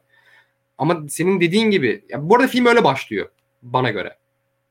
Hani film bu filme nasıl başlanıldı? Mankiewicz kim? Biraz onun hakkında bir bilgi alıyoruz. Tanık olduklarını görüyoruz. Tanık olduklarını biz sizlik yayında hatırladığımız kadarıyla he bu oymuş falan diyoruz bilmem ne. Hani hakikaten bir rehber gibi başlıyor. Ta ki işin politik taraflarına girip işte Sinclair'ı girdikten sonra film bambaşka bir şeye dönüşüyor. Ve ben diyorum ki ya, keşke sadece ve sadece birazcık buna odaklansaydı. Ee, ya film bittikten sonra üzerine yanına daha doğrusu yani Mank filminin yanına başka filmler koyduğun zaman abi Hollywood'un ya bugünküne bugünkü politik tavrına da güzel bir ışık tutuyor aslında. Yani, yani şey mesela gibi, nasıl? E, senin tweetini ben çok beğenmiştim. Tarantino'nun Mesela e, yaptığıyla e, Fincher'ın yaptığı. İkisi de Hollywood'a bakıyor. İkisi de Hollywood'un altın dönemleri diyebileceğimiz iki farklı dönem olsa da e, altın dönemleri diyebileceğimiz dönemlere bakıyor. Bir tanesinin Hollywood'a bakış açısı, e, ikisi de çok büyük yönetmen. E, bir de diğerinin Hollywood'a bakış açısı. Ve şey çok güzel. İkisi de şey... tam bir değişim dönemlerine denk geliyor. Biri 69 evet. sonuna denk geliyor ki yani bırak sinemayı, bırak Hollywood'u dünyanın değiştiği yani Amerika'nın kültürel olarak değiştiği bir dönem.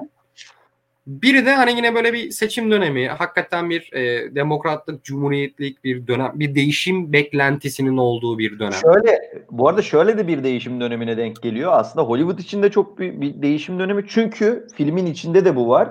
Sesli sinema abi, e, sesli sinemaya geçiliyor.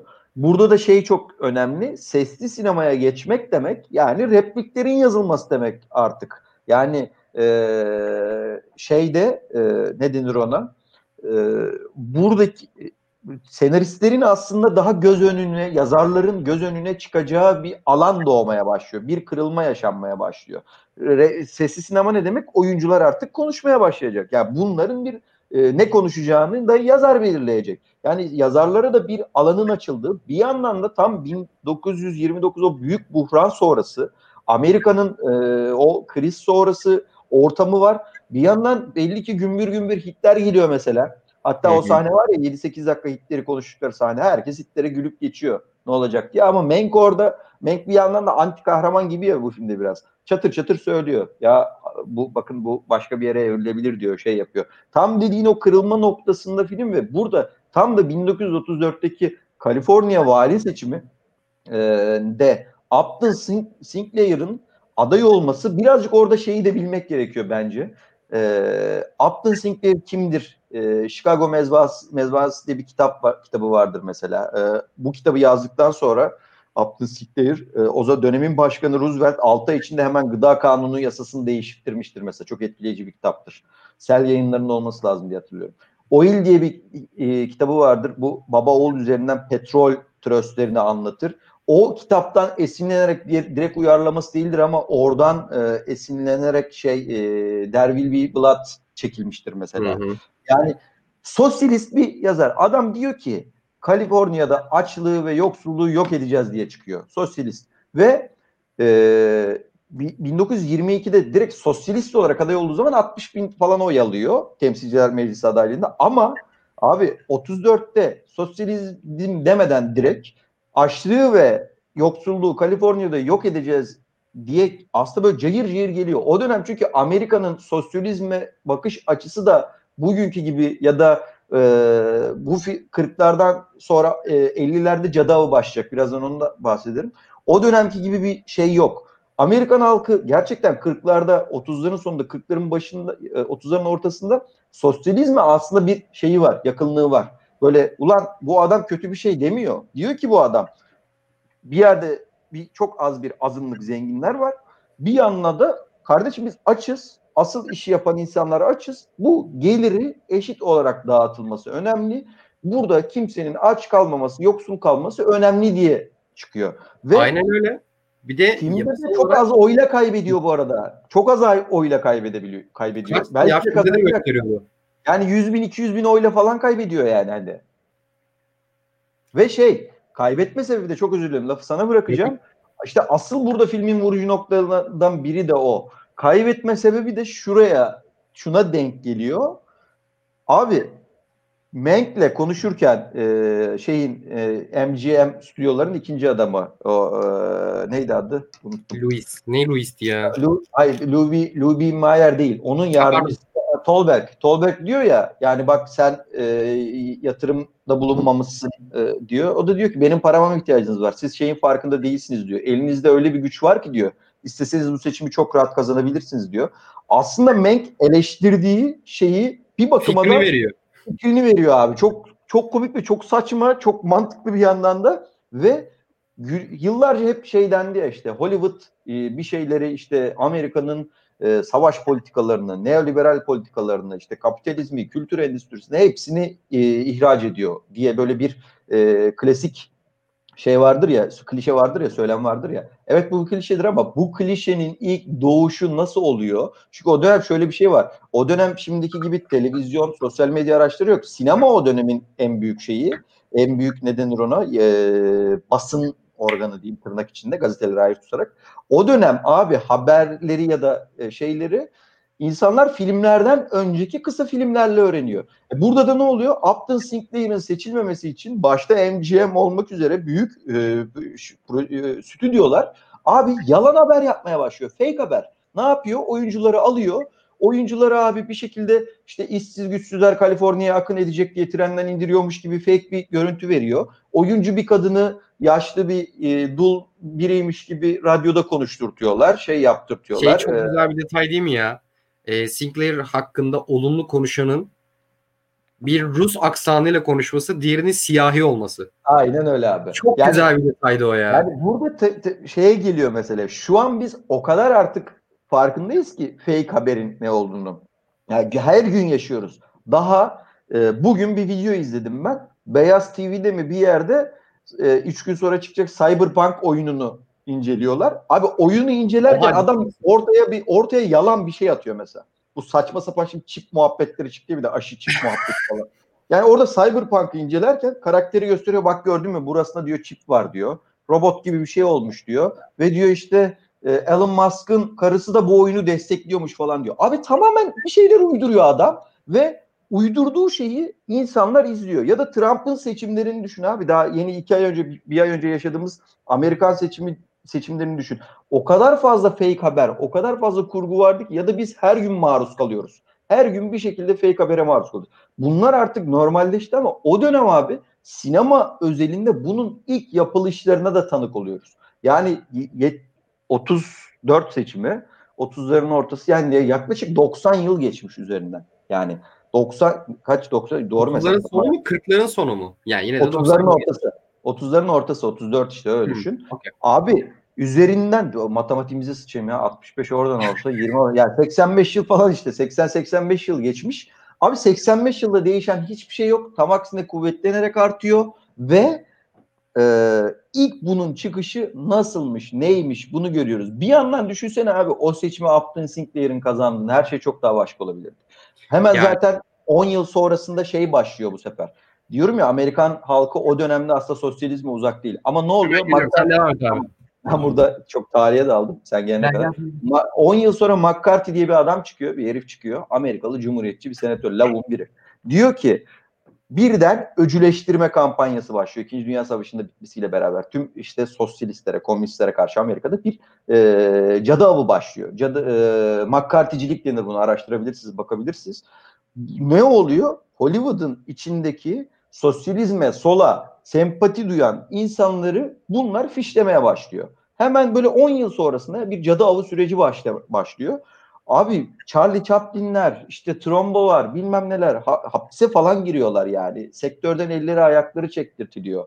Yani o, o, o geçiş de çok hızlı bir şekilde yaşanıyor Amerika'da aslında baktığın zaman. Ve adam aslında burada e, Upton Sinclair diyor ki ya çok burada sosyalizm övgüsü falan yapmak için demiyorum. Diyor ki herif ya aç ve yoksul insan kalmasın diyor. Bu kadar. Ama işte sektör, sek, e, başta e, Louis Vuitton'in e, içinde olduğu o stüdyolar şeyin farkında. E, ne denir ona?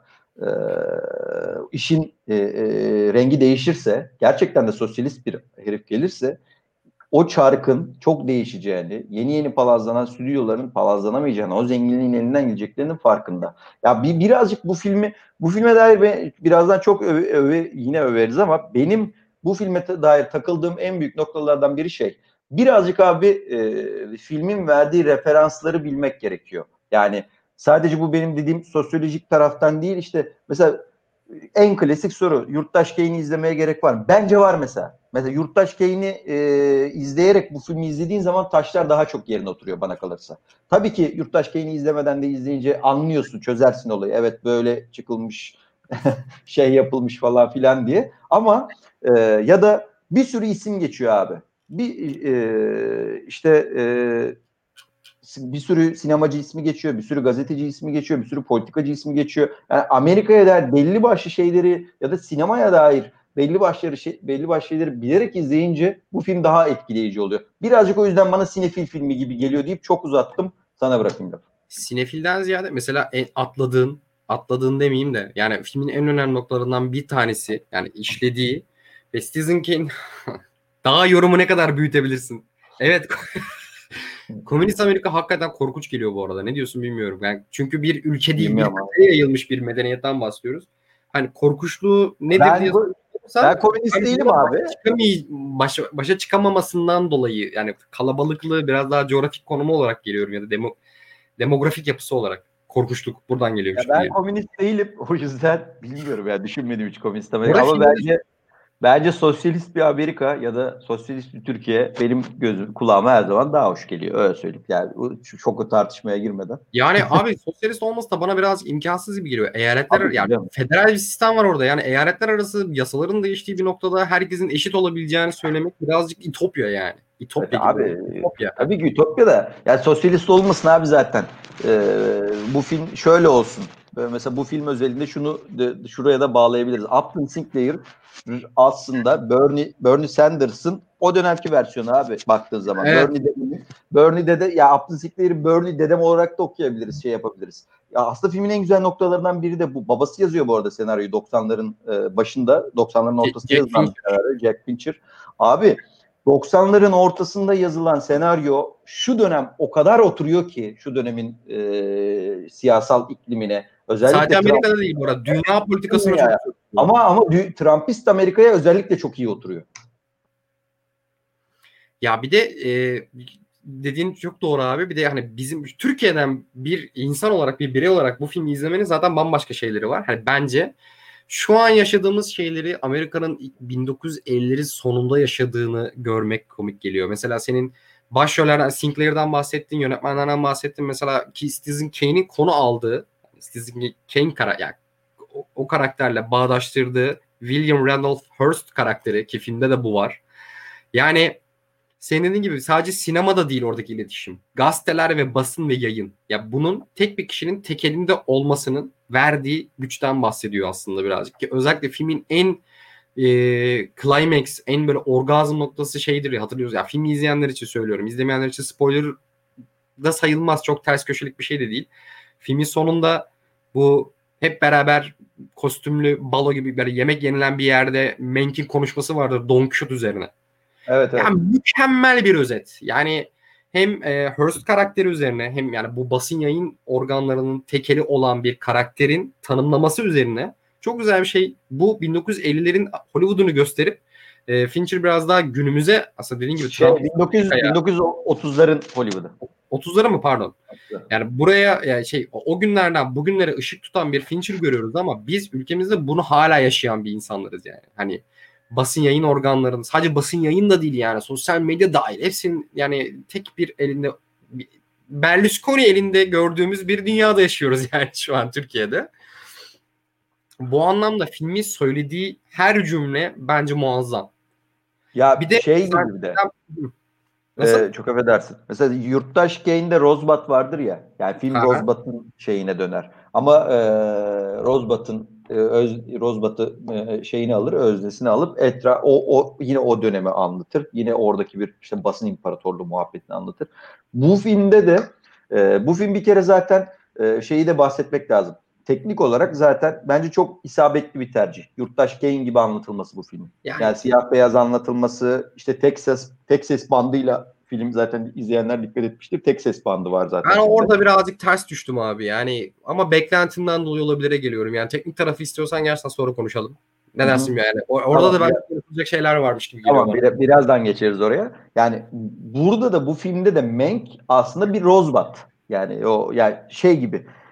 E, Mank'in senaryoyu nasıl yazdığı, e, senaryoyu nasıl yazdı derken Mank'in senaryo yazım süreci buradaki önemli olan değil. Mank bu filmde bir gözlemci abi. Mank sürekli bir yerlere girip çıkıyor. Mank işte William Hurst'le yemek yiyor. Mank yazarlarla o dönemin mesela ilk filmin başlarındaki o sahne çok etkileyiciydi bence. Hep tüm yazarlar aynı odada bir e, işte brainstorm e, şey yapıyor ya, işte beyin fırtınası yapıyor ya. E, o o çok etkileyiciydi. Mesela oraya giriyor çıkıyor. Bir yandan başka bir yere giriyor. Seçim gecesi bir başka bir masaya oturuyor. Yani aslında Mank o dönemin hem siyasal iklimine hem sinemasal iklimine bir şekilde her yerden bir bakış atıyor. Bu bakışı Mank'in atması çok önemli çünkü Mank abi ne sektörün içinde tam var olabiliyor ne de tam anlamıyla cesaret edip o sektörden dışarı çıkabiliyor. Hatta Upton Sinclair'e çok öykünüyor ama bir yandan da korkuyor. Yani hani o sahne çok etkileyici değil mi? Ee, Upton Sinclair'i ilk gördüğü an. Hani gidemiyor Hı hı. yanına ama uzaktan bir böyle bir, bir, bir azametle onu süzüyor. Çok iyi bir sahne mesela. Biraz önce senin dediğin sahnede çok iyi sahne. Paralel kurguda anlatıyor ya orada Aha. e, Don Quixote muhabbetini aslında bir Hollywood tezahürü o, o, o, o anlatım. Bir yandan da abi paralel kurguda Orson Welles'le kavgasını anlatıyor ya. Yani Orson Welles aslında şeye e, ne denir? E, şeye farklı olarak e, Hollywood'a bir alternatif olarak ortaya çıkıyor. Ama abi e, Herman Mankiewicz'in Orson Welles'le yaşadığı o iktidar erk ilişkisi de abi hemen hemen Hollywood'da yaşadığı aynı şey. Çünkü adını yazmayacaklar adamın. Yani baktığın zaman senaryoyu yazan adamın. Çünkü neden öyle anlaştınız bana diyor. Ben biraz şöyle gördüm. Mesela hani senin dediğine ek olarak söyleyeceğim hani artı hani söylediklerine artı olarak e, Kerem'in yorumunu da burada unutmayalım orada. Hakikaten ben ona cevap vereyim. Bence senaryo filmi. David Fincher'ın değil Jack Fincher'ın bir filmi ve David Fincher'ın babasının yani böyle yadigarını gerçekten gerçekleştirmiş, etmiş. E, ben daha çok senaryo filmi olarak görüyorum. Yani nasıl bugün e, 12 Kızgın Adam'ın yönetmenliğini konuşuyoruz, senaryosunu konuşuyoruz. Bence öyle bir film. E, şeye gelecektim abi. E, Mank karakteri bana göre şeydi. Radikal düşünen o dönemin cumhuriyetçileri arasında girmiş bir demokrat. Bu Evet. adam bu adama sosyalist diyebilirsin, bu adama şey diyorsun. Adam aslında sadece demokrat. Hani çünkü Hitler konusu açıldığında ya da CHP'li. CHP'li. Evet. Yani biraz karşı tarafın da düşünme biçimini ve motivasyonunu da düşünüp onu dile getirip konuşabilen birisi. Yani biraz aslında Cumhuriyetçiler arasındaki demokratın sözcüsü olmuş bir karakter. Ben öyle gördüm. Ee, Orson Welles'le e, Menk'in arasındaki kavga da bununla çok paralel. Yine oturuyor. Şu anlamda oturuyor. Hani işin sadece politik kısmı değil. işin sanat tarafına baktığın zaman da yine bir radikal aslında. Radikalist aslında şey Orson Welles. 24 yaşında kafayı takmış ve bunun için her şeyi yapabilecek bir karakter. Mank ise bir şeyleri doğru ve bir şeyleri oturaklı yapmaya çalışan bir karakter. Yani işin tabii ki de adım benim benim adım yazsın, benimle kavga etmeyen yapımcılarla görüşelim edelim gibi basit cümlelerle geçse de karakter özellikleri olarak öyle. Hatta şey bile çok önemliydi sonda hatırlarsan. Benim adım geçsin istiyorum kararı verdiğinde Orson Welles'in sinirlenmesi tabii, tabii. ve Mank'in evet bu filmde de böyle geçmeli deyip Orson Welles'in evet doğru söylüyorsun deyip yine sinirlenip çıkması. Hani yine bir radikalist, bir cumhuriyetçi tavrıyla hareket eden bir karakterle yine bir demokratın yani, yani çok güzel mektuplar aslında. Ve filmin bence sahne... en güzel, en müthiş noktaları bu noktaları oynadığı yerler yani. O, o sahne ben şey sa, sa, şey Simon Smith Jr. yazmış abi bir eşine göre sen de CHP'lisin diye. Okey. Ee, şey senin dediğin sahne çok e, bence önemli. Çünkü orada bir yandan da ulan ne olursa olsun tüm bu siyah politik iklimde bu e, Menk'in kendi iş çatışmalarında o Orson Welles'le son çatışmasında bunlar birbirine bağırırken Orson Welles sinirleniyor çarpıyor. Orada bir, bir an duruyorlar ya yurttaş Kane'e şey bir referans veriyor. Ya terk ediş sahnesi böyle olsun diyor. Evet çok iyi diyor. Ya çok iyi sahne abi. Şey gibi ne olursa olsun bir sanatsal kaygı da var ya ortada. Orada mesela ben çok etkilendim orada. Sanatsal kaygının yanında ben birazcık şeyi de çok düşünüyorum. Hani e, dönüp baktığında tarihe baktığımızda mesela Amerika tarihine baktığımızda belli kaynaklara ulaşabiliyoruz edebiliyoruz. Hani Mank'in bu kadar yani so, filmin sonunda işte e, Orson Welles'le beraber karşılaştığında adının geçmesini bu kadar istemesinin sebebi tabii ki de şahsi tarafını da görüyoruz adamın. Hani çünkü yaşlarının artık belli yaşların sonlarına gelmiş ve üretkenliği bir yerde durmuş ve hayatın en büyük başyapıtını yazmış, yazdığını düşünmüş bir karakter var. Tabii ki adının geçmesini isteyebilir kişisel noktada. Ama hani bu, bu, bu arada benim yorumum. Hani benim yorumlamam. Şey, film bunu anlatıyor demiyorum. Yani dönüp baktığımızda tarihe hani bu sevmediğimiz karakterler politik olarak ya da mantalite yani zihniyet olarak varlardı ama bunlara baş kaldıran insanlar da vardı ve bu insanların eserleri de vardı.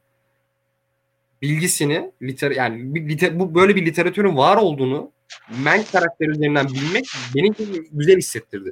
Hani biz hep şey diyoruz ya dünya işte son 10 yılda mı bu kadar faşist oldu? Hayır. Vardı ve yine evet. baş kaldıranlar vardı. Hani Mank Mank'in duruşu özellikle filmin sonunda Oscar'ı o fake bir sahne var ya Oscar'ı kaldırdığını söylediği. Hmm. Orson Welles'in hiç bok yapmadığını ve sadece ben yaptım demesi. Hani ben biraz bunlara yordum. Yani bu karakterlerin hayatımıza bir şekilde değdiğini ve bunları bilmemiz gerektiğini. Hani ben biraz böyle yorumlayınca yani film filmin değeri Mankiewicz karakterin tabii şeyi çok daha iyi oturuyor mesela. Çünkü böyle karakterlerin var olduğunu bilmek herkese cesaret verir. Özellikle böyle boktan bir dünyada yaşamamız Tabii. gerçeğini düşünürsek yani. Ya biraz bir önceki de... ha. buyur abi söyle söyle. Lütfen. Yani, e, senin dediğin hani o, o dönemin politikaları ben mesela şeyden çok hoşuma gitmiş. Şeyi çok hoşuma gitmişti. Hani şimdi Amerika'da filmlerde hala görüyoruz ki başında Tenet'te de konuştuğumuz bir kötü karakter vardı. Yani Amerika'nın o dönemdeki Rusya korkusu çok fazla vardı. Hatta sosyalizm, komünizm konuşması geçiyordu mesela. O da çok tatlıydı. İkisi arasındaki farkı anlatmaya çalışan bir karakter görüyoruz yani. Çünkü ikisi aynı şey değil. Bugün bile 2020'de bile bu iki, iki kavramın arasındaki farkı bilmeyen bence milyonlarca insan var. E, o dönem işte Soğuk Savaş olsun şey olsun bir Rusya ve komünizm korkusu çok fazla vardı ki zaten filmde de Hollywood'un bu korkudan beslenerek bir harekete geçtiğini görüyoruz. Tabii Abi, yani. Dönüp o dönem, hemen, hemen o dönem değil ama o dönemin devamı işte dediğim gibi 10 yıl sonra Cadı Avı, daha sonra Reagan'ın seçilmesi zaten orada soğuk savaş muhabbeti başlıyor. Daha sonra işte bir şekilde önce, yani, evet ya o evet. Rus Rusya korkusu, o komünizm Rusya korkusu aslında zaten öte, yani ondan öteki, önce de var. Öteki, öteki korkusu yani e, yabancı korkusu, şey korkusu Ama çok basit var. bir korku. Yani çok basitten kastım. Bugün nasıl birileri çıkıp dış mihraklar deyince böyle inanıyoruz ve dış mihraklara hakikaten ağzımızı sıçıyor zannediyoruz. Ya komünizm, ideoloji, ya sosyalizm daha doğrusu ikisi de hatta ideolojik olarak hep böyle konumlandırılmış. Hani filmde de aslında bunu görüyorsun. Ya şu anlamda görüyorsun. İkinci Dünya Savaşı var abi. Hitler diye bir faşist var. Bu faşist bu faşiste karşı gelmemize rağmen Hollywood bu faşistin vizyonunu ya Goebbels'in vizyonunu yapıyor yani. Tabii, tabii. Adam fake haber basıyor ya. Hani o öyle bir korku ki yani Hitlercilik oynuyor, Goebbelscilik oynuyorlar yani. Bir taraftan bunu görmek, bunu çarpıcı bir şekilde Fincher'ın göstermesi çok hoş bir şey. Bu arada bu daha önce yapılma, yapılmış bir şey değil. Ya yapılmamış bir şey değil.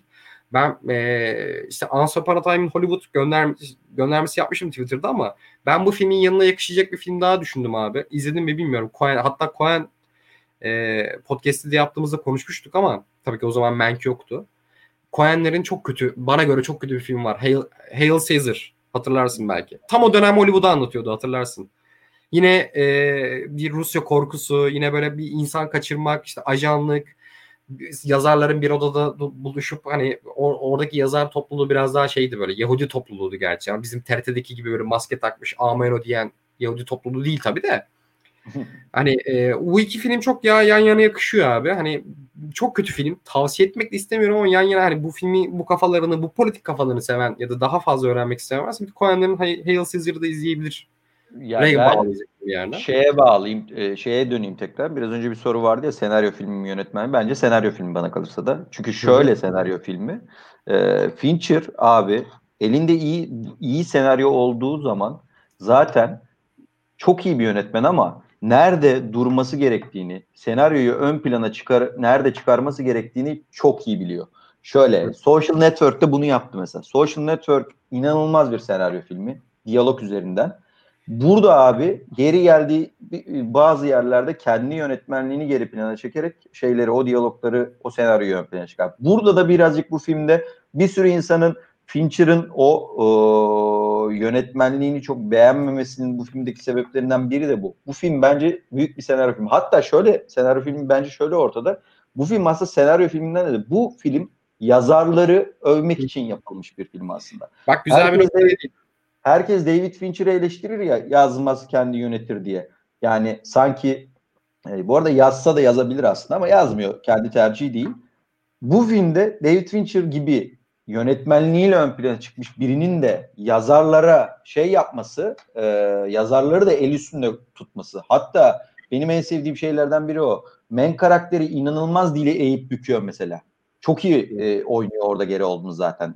O dile teşnelik, o şiire e, şey... Lafa verilecek cevap olarak çok güzel diyaloglar vardı ya. Aynen öyle. O yüzden bu film e, neden senaryo filmi? Zaten bence bu film senaryoyu övmek için bir ya, yazarlığı, ya, yazılı metni öv, övmek için e, yapılan bir film olduğu için bana çok senaryo filmi geldi. Ha yönetmenliği iyi mi kötü mü iyi yönetmenlik ama şöyle inanılmaz alengirli bir yönetmenlik daha önceki David Fincher filmlerindeki gibi yok. Ama bence bu film üzerinde gerek de yok zaten. Yani bu filmde asıl önemli olan nokta çünkü bambaşka şeyler. Yani bambaşka motivasyonlar var. Mesela sadece Yurttaş Bey'in üzerinden okunmaz bu film. Ya da sadece main karakter üzerinden dediğim gibi asıl vurucu yeri Upton Sinclair bu filmi. Asıl vurucu yeri Büyük Buhran sonrası Amerika. Asıl vurucu yeri işte Hollywood'un nasıl ideolojik bir aygıta dönüştüğü. Hep biz diyoruz, diyoruz ya neden bizim e, şeyimizin adı yaşasın bazı filmler e, abi. Sinema politiktir diyoruz. Sinema ideolojik bir aygıttır diyoruz. Abi işte Fincher de diyor bunu. Fincher diyor ki sinema diyor e, sadece sinema değildir. Çok klişe oldu futbol sadece futbol değildir gibi ama diyor ki Hollywood Hollywood ideolojik bir aygıttır ve bu böyle başlamıştır diyor abi. Böyle çatır çatır söylüyor. Bir yandan da tekrar kendimi tekrar gibi olacak ama başa dönersek mesela bunu şey gibi yapmıyor. The Player vardır e, bilirsin. E, o Hollywood'u tamamen karşısına alarak bir şey yapmaya çalışır. Yani burada abi Fincher Hollywood'u karşısına alarak yapmıyor bunu. Diyor ki ya şeyin nerede durması gerektiğini çok iyi e, gözlemliyor. Uzun zamandır ben abi bir, bir yönetmenin nerede nasıl durması gerektiğini e, bu kadar iyi yapabildiği bir filmi ben uzun zamandır izlememiştim. Çünkü bir tık şeye kaysa çok affedersin abi tamamını sana bırakıyorum. Bir tık daha protest bir tavra kaysa şu şunu dersin diyebilirsin. Çok da hakkındır. Fincher abi sen ne anlatıyorsun ya? Yani sen Hollywood'un en büyük filmlerini çeken insanlardan birisin. Bana ne anlatıyorsun? Ya da bir tık şey desen e, iyice Hollywood'u övse ya neyini övüyorsun bana Hollywood dersin. Ama burada Fincher diyor ki kardeşim hep bokladığımız bir Hollywood var ya bu nasıl oluştu? Niye oluştu? Bu Hollywood'un basın e, ba, şeyle e, kitleleri etkileyebilmeyle alakalı durumu ne?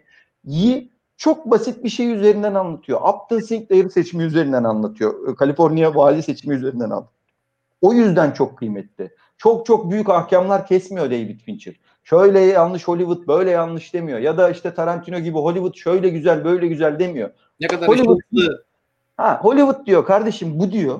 Hollywood bu. O çok eleştirdiğimiz, çok övdüğümüz Hollywood bu diyor. Ve bu Hollywood buraya nasıl geldi? Bu çarkın içinde ben de dahil olmak üzere kimler var? Bu çarkın dışına çıkmaya çalışırsan ne olabilir? Bir şey vaktiyle işte devrim güzel bir ihtimaldi diye başlar ya şeyin e, Murat Uyurkula'nın kitabı. Yani burada da birazcık şey gibi var böyle vaktiyle Upton Sinclair güzel bir ihtimaldi. Birazcık o da var mesela. Seçilseydi dünya Ama nereye doğru evrilebilirdi? Ya da o dönemki sosyalizm korkusu e, tavan yapmasaydı bir şekilde bu işte McCarthy'lerle, Reagan'larla, şeylerle, sonrasında Bush'larla, Trump'larla şimdi bu o, o sol bakış açısı e, çok korkulmasaydı hayat nereye gidebilirdi? Amerika nereye gidebilirdi? Hollywood nereye gidebilirdi? Bir yandan bunu da böyle inceden dokundurduğu yerler var. Ama dediğim gibi tekrar sana bırakacağım. Temelde e, çok uzun zamandır ben bir yönetmenin bulunduğu konum gereğiyle bir filmde kendini bu kadar iyi e, konumlandırabilmesi e, çok saçma bir cümle oldu ama anlatabildim galiba ne demek istedim. Bu kadar Yok, iyi konumlandırabilmesi benim çok hoşuma gitti ve şuna da şaşırdım. Evet Fincher apolitik mi? Çok apolitik değil ama çok da politik de bir yönetmen bence değildi. Vardı. Mesela Zodiac'ta da bende bence politik kısımlar var. Fight Club'da da politik kısımlar var. Okey falan ama abi en politik filmini bile bu insana çektirebilecek bir siyasi iklimin içindeyiz. Özellikle Amerikalılar abi bunu hep daha önceki podcastlerimizde de konuştuk. Biz artık 10, 2002, 2020, 18 yıldır biz alıştık artık. Bir, biraz duyarsızlaştık bazı meselelere. Yani adamlar son 4 yılda tamam onlar da her zaman işte faşizme e, yatkın insanlar da başlarına geçti zaman zaman ama adamlar son 4 yılda son 4 yılda 5 yılda Trump'la beraber inanılmaz bir heyulanın içine düştü abi. Yani hani algılayamadılar. Hatırlarsın o ilk dönem Trump'ı seçildikten sonraki Hollywood oyuncuları, yazarları ya bu soytarı dediler ve bundan olur mu? Ama adam başkanlarıydı. Koca ülkenin başkanı bu, bu soytarıydı baktığın zaman. Abi herifler bizim 18 yılda yaşadığımızın minimumunu 4 yılda yaşadılar. Hızlandırılmış yani, faşizm kursu gördüler. Yani. 4 yılda yaşadılar ve en tırnak içinde apolitik diyebileceğin yönetmenleri bile çatır çatır politik film yapmaya başladı. E politik şey... film yaptıkça da günümüzün o Trumpist Amerikasına da hepsi cuk cuk cuk oturuyor bu filmlerin yani. Mesela e, bu e, politik gerçeklik olmasaydı e, zamanında konuştuğumuz Joker filmi bence gerçekleşmezdi abi. O Joker bence filmi böyle olmazdı. Amerikalılar Trump olmasaydı başlarında Joker filmini bu kadar. Çok Zaten beğenmeyecek bu kadar yani. Vogue işte Vogue culture dedikleri bu hani biraz daha uyanış artık biraz daha çevremize politik gerçekleri hani çünkü o, o orada biraz daha işin ciddiyetinden ziyade entertainment her zaman daha fazla sevilen ve oraya yönlendirilen bir şeydir abi. Oyun hani oyundan tut işte filmlerine, dizilerine, televizyonuna her şeyine kadar. Ama artık biraz daha herhalde Trump'la beraber biraz daha böyle abi uyanalım. Abi birazcık ayaklanabilirsek ayaklanalım. Çevremize neler gelişiyor en azından onu görelim. Hani çok geç bir hamle ve ama senin dediğin gibi birazcık da arada çok tatlı suluk yapıyor bunu mesela. Bazı filmlerinde. Ben şeye ba- bağlayacaktım. Unutmadan Kader Keita şey demiş. Kitaplıktaki, kitaplığındaki Itaki yayınların bilim kurgu klasiklerini söylemiş. Abi ee, ben onların en azından yarısını okudum ama onları eşim bitirdi. E, seviyorduk bir dönem ta ki klasik diye bize çok daha e, adı sana duyulmamış boktan kitaplar karşımıza çıkarana kadar burada da küçük bir Itaki eleştirisi getireyim. Severim. Buradan şeye bağlayacaktım abi. E, teknik açıdan ben şey demek istiyorum. Bak senin dediğine inanılmaz hak veriyorum. Hatta sen dedikten sonra ben de daha bir mantıkta oturdu Fincher'ın davranışı. Ama ben biraz daha kişisel yaklaştığım için puanını mesela filmin oradan kırdım. Hı-hı. Şeye geleyim. E, podcast'ın başında şeyi konuştuk. Otör yönetmenliği konuştuk. E, otör o, yani kendi sinema dili olan yönetmenlerden bahsettik. Fincher her ne kadar kendi yazmasa da birçok filminde görsel anlamda hani görsel, atmosfer, ses kurgusu, o bu yani filmi görsel anlamda ortaya çıkarabilecek fikirlerde kendi diline oturmuş bir yönetmendi yani. Hani Fight Club'da Fight Club'ın kitabı ne? Senaryosu ne? Yani bir de senaryo ve yani senaryo yazılım yani görsel olarak gördüğümüz şey ne abi? Hani o kadar bambaşka bir şey katmış ki oraya. Yani Fincher benim için böyle bir yönetmen. Şimdi e, bir de şöyle bir gerçek var ama senin bahsettiğin gibi Orson Welles bir otör yönetmen olarak ortaya çıkmış bir karakter. Fincher ise son dönemlerde otör yönetmenliği reddeden bir adam. Bak o haberi ben kendim yazdım. Çok iyi biliyorum. E, Fincher'ın otör yönetmenliğe karşı duruşu şu. Bir film bir kişinin tekerinde, bir kişinin dilinde çıkmıyor. Yani bu bir kitap yazmak gibi değil diyor. Yani ben yazarım, benim fikrimdir, benim düşüncelerimdir, benim cümlelerimdir. Ve bas, basılır yani yayın evi basar onu. Bu değil diyor. Orada diyor bir sesçi de var diyor. Orada bir ışıkçı da var. Onların da emeği var. Onların da filme büyük katkıları var. Dolayısıyla bunları düşün. Yani bir kolektif bir bilinç oluşuyor bir yerden diyor. Şimdi böyle bir böyle bir çekim şeyinde, aurasında otör yönetmenlikten bahsedilemez diyor. Yani bu, üç aşağı beş yukarı bu mantıkta anlatıyor. Şimdi bunu düşünen bir adam e, Mank filmine girişmiş. E, senin dediğin de doğru. Hani adam artık bu fikre bence biraz daha saplı. Hatta ben bir, bir sonraki tweetimde oydu yani. Buna herhalde o kadar fazla saplanmış ki kendini çok fazla geri plana itmiş. Ama şimdi şöyle bir şey var. E, senaryoda babasına ait. Yani orada bir duygusal bir şey de olabilir. Kendini olabildiğince en geriye çekmiş ve sadece hikayeyi anlatmış abi. Hikayeyi anlatmış ve filmin görsel olarak konseptini demiş ki ben oturup yani kendi imzamı koymayacağım. O dönem filmlerin konseptini koyacağım. Hatta Citizen Kane ve Orson Welles'ten çok fazla şey var. O derinlik algısı, o geniş açılar, o hani yakın planlar o kadar aynı ki ben mesela birazcık burada çok koptum. Şu anlamda koptum. Artist'i hatırlıyorsun. Artist yılın filmi seçtik. Hani Oscar falan aldı. Ama artistin tek başarısı dönem filmlerin birebir kopyasını çıkarmaktı. Ha konu da fena değildi bu arada. Orijinal tamam hani sesli sinema, sesli sinemadan sesli sinemaya geçiş. Orada ge- işte geçişi anlatıyordu. Ama e, herkesin hayran kaldığı şey neydi ki benim o dönemde hayran kaldığım şey e, birebir kopya yapmaktı. Fincher de aslında burada birebir kopya yapıyor. Ben şuna bağlayacaktım. Kişisel olarak ben Fincher'dan daha fazlasını beklerdim. Yaptığı şey Anladım. kötü ya da anlamsız değil. Senin söylediğinle orantılı olarak çok mantıklı bir şey yapıyor. Kendini geri atıyor. Senaryo öne çıkarıyor çünkü hikaye önemli abi. Benim yönetmenliğim değil. Bu bir yönetmenlik filmi değil. Bu bir hikaye. Ya yani bu burada konu ve konuşulanlar önemli. Citizen K de öyle. Kane de öyle. Hani tabii ki de yönetmenlik orada bambaşka çığırlar açtı. O ayrı konu ama hani aslında önemli olan bu deyip parmakla gösteriyor aslında birazcık. Ben yani senin dediğini, orada senin düştüm. Senin dediğini anlayabiliyorum Daha ama fazla şeyi bekliyordum çünkü. Sen kadar ya senin kendisini geri attığı kadar ben atmadım. Geri attığına en fikrim. Seninle ay, ay o noktada buluşuyorum. Kendisini geriye çektiğine. E, daha hikayeyi ön plana çıkarmak. Ya ona bilerek yaptığını senin dediğin mantıkla çok doğru bence bir hareket. Ama işte senin e, o kadar geri attığını düşündüğün kadar ben sana katılmıyorum kendi adıma. E, ama Hı. şey e, temel bağlamda katılıyorum sana. Ya zaten bunu bile isteye kendisi direkt e, bu filmi anlatırken Yurttaş Kane e, en azından teknik olarak o, yani onu kullanmıyor. En büyük şey de zaten tek ses bandından bunu yapması. O Aynen. geçişler görüntüyü bile, bile isteye bozması.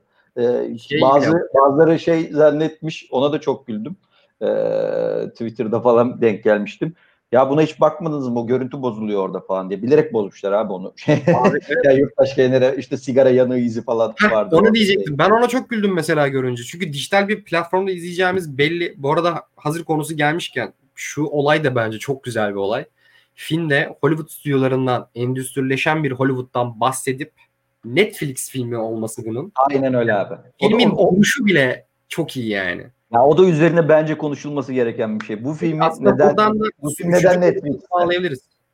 Olur şöyle diyeyim. Aras'la bir yazışmıştım. Ee, bir damlayabilirsem damlayacağım. Menki sevdi anladığım kadarıyla. Aras bir yandaysan hadi bir gel e, bir 5-10 dakikada sen öv. Sen senin de e, övgünü merak ediyorum. Gelecek misin? Yaz oraya geleceksen bekleyelim. Sen gelene kadar boş yapalım. Boş mu yapalım Bir buçuk saat boş yaptığımızı mı düşünüyorsun? Yazsana Aras. Abi Bak bu arada hani e, meme isti. Aras gelene isti. kadar ve insanlar Aras'ın memesini görüp böyle Tarkan da onu atmış gibi Aras'ın memesini isteyene kadar şey demek istiyorum. Ee, daha önce de hatta bunu tartıştık birkaç podcast'te de. Ee, kimdi? Oha David Bowie'nin oğlu kimdi ya? Yönetmen. Ne anlamadım. David Bowie'nin oğlu. Adını unuttum şu an. Ben unuttum. Warcraft'ı çekti. Sonra Netflix'e Mute filmini çekti. Duncan mıydı neydi? Duncan, Duncan Jones. Heh. İyi hatırlattın. Mesela Duncan Jones'un bir tane o dönem ilk konuşan oydu bana göre. Sonra birçok yönetmenin bu şey adı. Scorsese dahil hatta. Abi Netflix çıktı. Netflix kendi üretimlerini yapmaya başladı bir platform olarak. Stüdyo değil. Bir dijital platform olarak bir dağıtımcı kimliğiyle sonra bir e, yapımcı kimliğine büründü. E, Duncan Jones şey dedi. Yani sizin perdede gördüğünüz kadar perde arkasında da iptal olan ve yapılmayan birçok sanat eseri var. Yani bir filmi ben stüdyolara kabul ettirip ikna edene kadar çok yoruluyorum falan gibi böyle bir açıklaması vardı.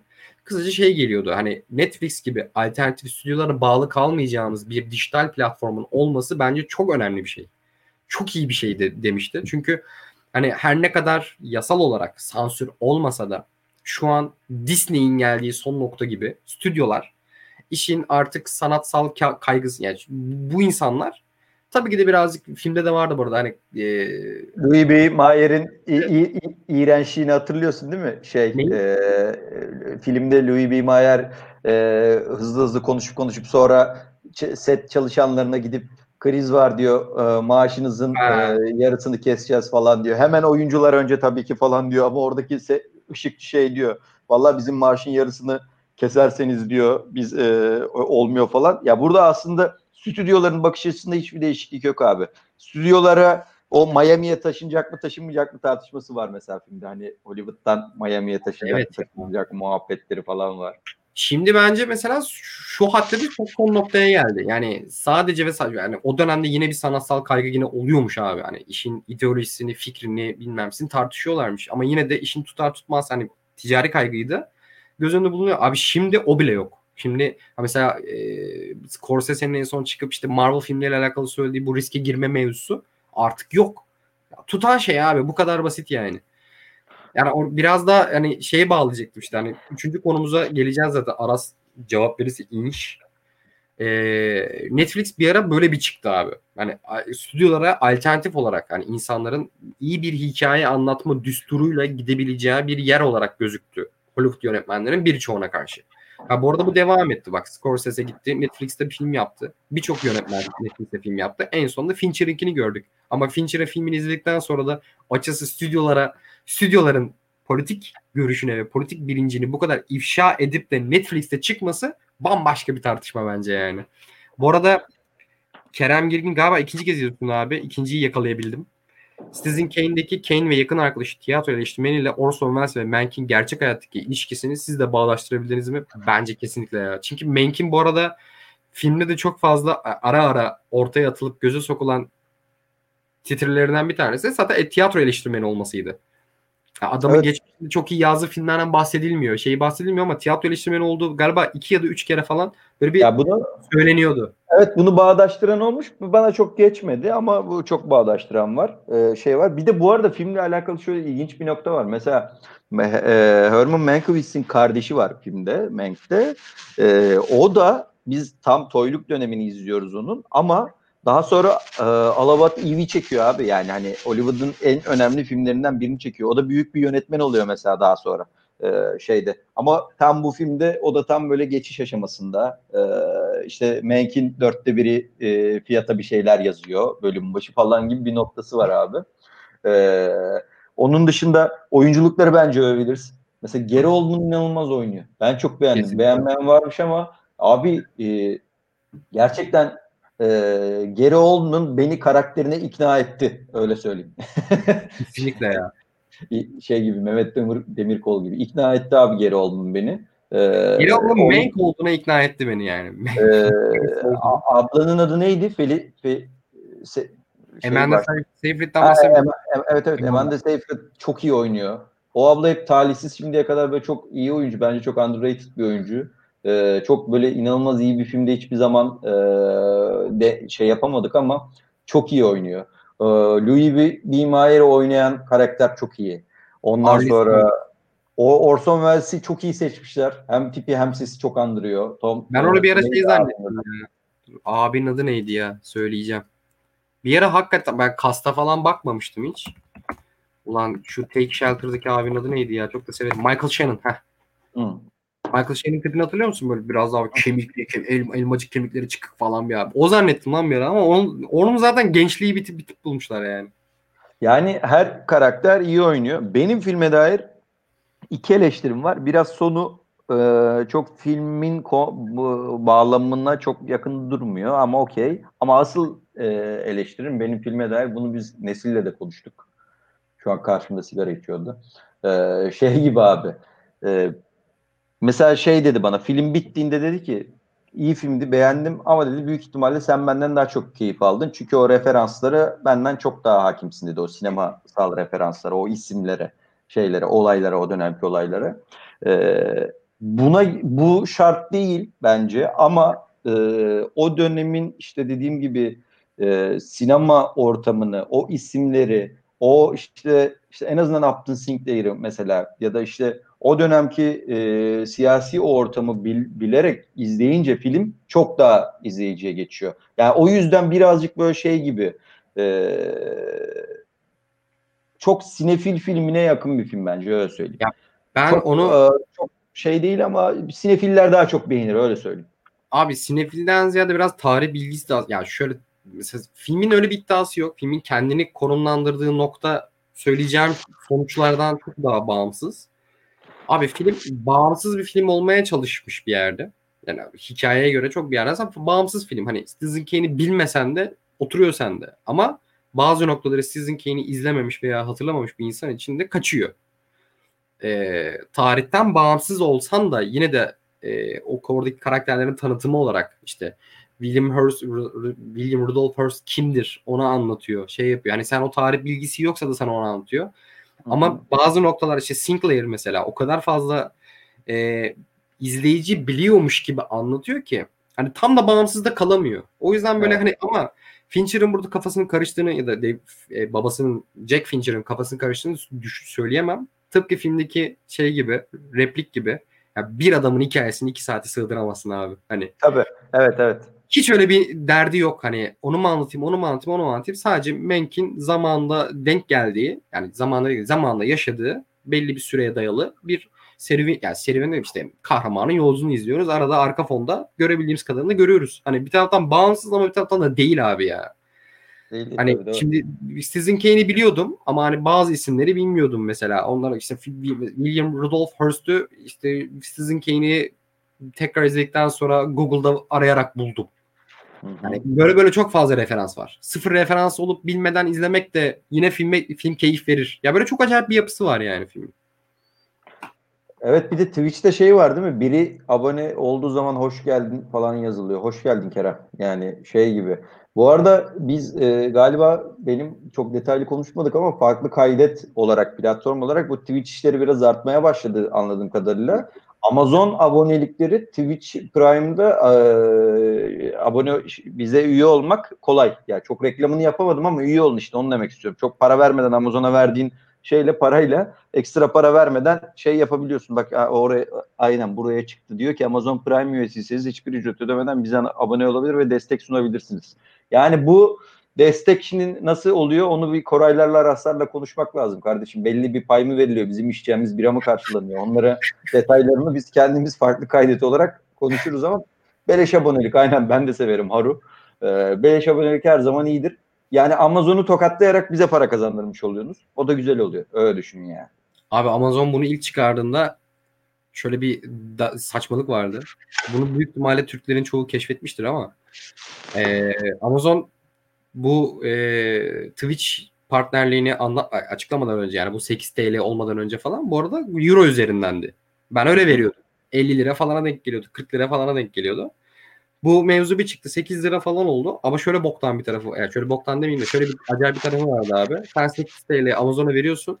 E, Twitch'te yayıncını şey yapabiliyordun abi. Destekleyebiliyordun ama yayıncı o 8 TL içerisinden galiba dolarla para alıyordu. Hmm. Hatta bir, ya kimdi birkaç birkaç yayıncı şey dedi. Oğlum Berat'a haber edin. 1500 tane kredi kartıyla gitsin üyelik açsın abi o zaman. Yani ülke ekonomisi kalkınır. Yani Prime'ın Amazon'un öyle bir garip bir şeyi vardı. Yani yayıncı dolar üzerinden para kazanıyordu bunun üzerine. Değiştim Doğru. değişmedim bilmiyorum. İlk çıktığında böyle bir bilgim var yani. O da yarım yamalak zaten anlatamadım.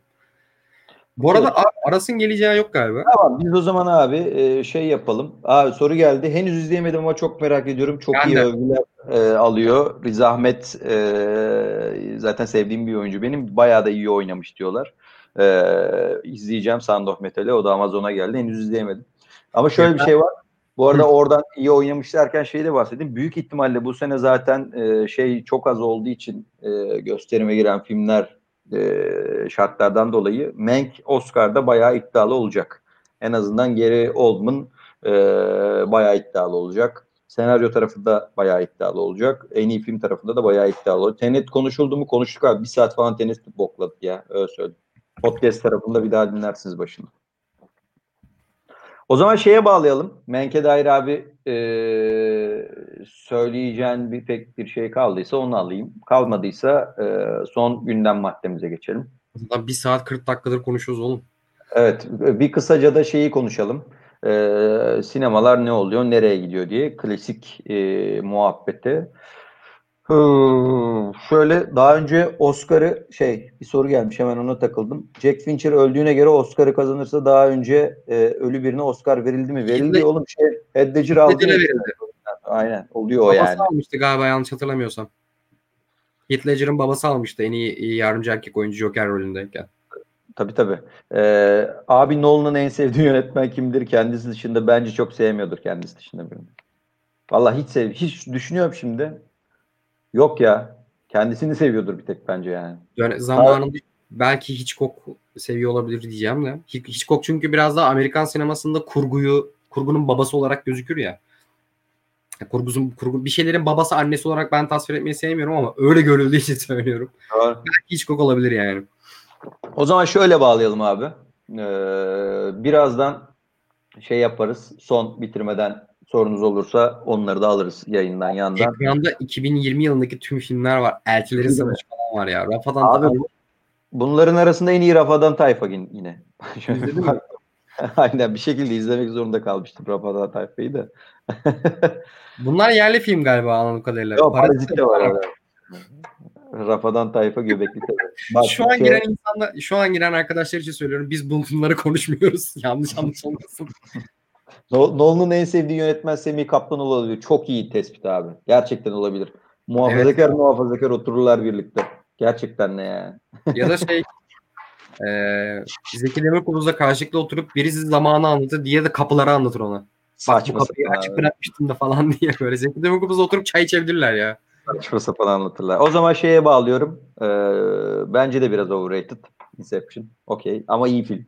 Ee, şeye bağlıyorum. Ee, Warner Bros. geçenlerde bir karar açıkladı. İçinde Matrix'in de oldu. Hatta bir iki tane daha çok büyük filmin oldu. 2021 için özellikle bu e, şey salonlar için ne denir onlara? Çoklu salonlar için işte sinema maksimumlar için falan filan belki de yılı kurtaracak, e, batan sektörü kurtaracak diyebileceğimiz işte içinde Matrix'in de olduğu. Diğer filmler neydi? Çok büyük filmler var işte Suicide Squad falan var abi. Yani çok büyük bütçeli ve e, gişe beklentisi yüksek filmde e, olduğu filmlerin hepsine şöyle bir karar verdi. 2021 yılı içinde ha Dune evet Dune e, sağ ol Mr. Nobody içinde Dune'un da olduğu filmlerin hepsini vizyona girdiği gün HBO Max'te de yayınlayacak. E, biliyorsunuz zaten o platformu onlar aldı. Bu ne demek? Bu şu demek. E, bu da dolaylı do, dolaylı olarak da olsa Christopher Nolan'ın kazığı oldu abi sinema sektörüne. Kurtaracağım diye girdiği sinema sektöründe öyle bir düşük bir gişe aldı ki Tenet. Hiçbir evet büyük e, şey şu an e, Tenet'i gördükten sonra özellikle e, şey yapamaz. E, vizyona sokağa. Aynen bak burada sağ olasın MMS şeyi getirdi abi. E, Werner, Werner abi e, hepsini HBO'da aynı gün yayınlayacak ve bu da şu demek HBO Max'te yayınlandığı an filmlerin torrente düşmesi demek zaten abi. E, burada da stüdyolar hala cesaret edemiyor. Doğal olarak pandemi nereye evrilecek hala belli değil. Evet aşı söylentileri falan falan var ama bakalım çip olayı ne olacak falan diye konuyu saçma sapan bir yere getiriyorum. Bir de çip takıp filmleri orada izleseler ya. Aynen Allah biri, biri yazmış ya bana Netflix'ten dedim falan. Abi o da çok saçma değil mi? En sevdiğim tip benim şey şey tweet şeydi bu konuya dair. Ee, herifin biri yazmış ya ya sana niye çip takmak için bu kadar büyük bir operasyona maddi şeye girilsin Allah'ın çorumlusu diye. Çorumlulara da Allah Ben onu geçiyorum. Ben şey e, anlamıyorum. Şimdi tamam abi dünya tarihinde şey var. Ee, bahsettiğim 1400 yıllarda falan bilen vebayı, kolerayı İşte bir savaş stratejisi olarak işte bugün hatta Bahar'la konuşuyorduk işte mancınık fethedemediği yere mancınıkla koleraları atıp içeriden hastalıkla kırma olsun bilmem ne olsun. Yani hastalıkla bir şekilde başka bir e, yeri fethetme olsun bilmem ne olsun Amerikan var. tarihinde var işte kız yerlilere e, çiçek Neydi? hastalı olan battaniye muhabbeti. Saniye aynen. Abi şeyi anlamıyorum. Bu çip mevzusunu korku yani bu korkunun kaynağı ne ya? Hani böyle bir yani böyle bir teknoloji var. Hani Cyberpunk işte dedin ya yakın zaman çıkacak Cyberpunk 2077 gibi bir şeyleri zerk edebileceğiz vücudumuza. Ulan bu anlatılan korkunun yani Hollywood filmleri dışında başka hiçbir şey yok ha. Var var. Ne Korku var nasıl oluşabiliyor yani? Ya anlam şuradan anlamıyorum. ya. oluşuyor. Bak bu korku şuradan oluşuyor. Ee, bu gerizekalı forçenciler zamanında abi e, özellikle bu alt-right, alt-right tayfa falan e, bunlar kendi kendine örgütlenmeye başladı ya böyle e, internette falan saçma sapan abi. Evet. Abi ondan sonra bu şeyler başladı. İşte düz dünya, aşı karşıtlığı bunlar hepsi birbirine paralel şeyler zaten. Bir komplo teorisi. Dun- Dunning-Kruger sendromu vardır ya. E, dinleyen Aha. arkadaşlar da bilen biliyordur. Yani kendini aşırı önemli hissetme. Yani hani gerçekten de hani çip takıp seni ne yapacaklar bunu düşünmüyor. Bir de her şeyi geçtim. Abi bu kadar kıymetli değilsin sen ya. Vallahi bu kadar kıymetli değilsin. Ne diyeceğim bilemiyorum. Ya böyle bir de büyük büyük e, koca koca insanlar böyle çip olabilir falan diyor ya. Ciddi anlatıyorum. Ya ben ciddi anlatıyor yani trolleyeni anlıyorsun okey falan da ciddi ciddi böyle çip diyor. Adama diyorsun ki abi niye sana çip bilmediğin şeyler var yeğenin muhabbetine bağlıyor. Ya ne var bilmediğim gerizekalı söyle öğreneyim hani.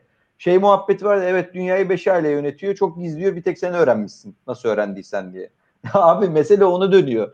Neyse bu çipçilere düz dünyacılara çok sövmeden eee Ben istersen şimdiki konuya şuradan geleyim. Tamam. Hazır Cyberpunk 2077'de girmişken abi yani bu, bu, bu sene hatta Koray şu an dinliyorsa Koray'la da oturup mesela konuşmayı çok isterim.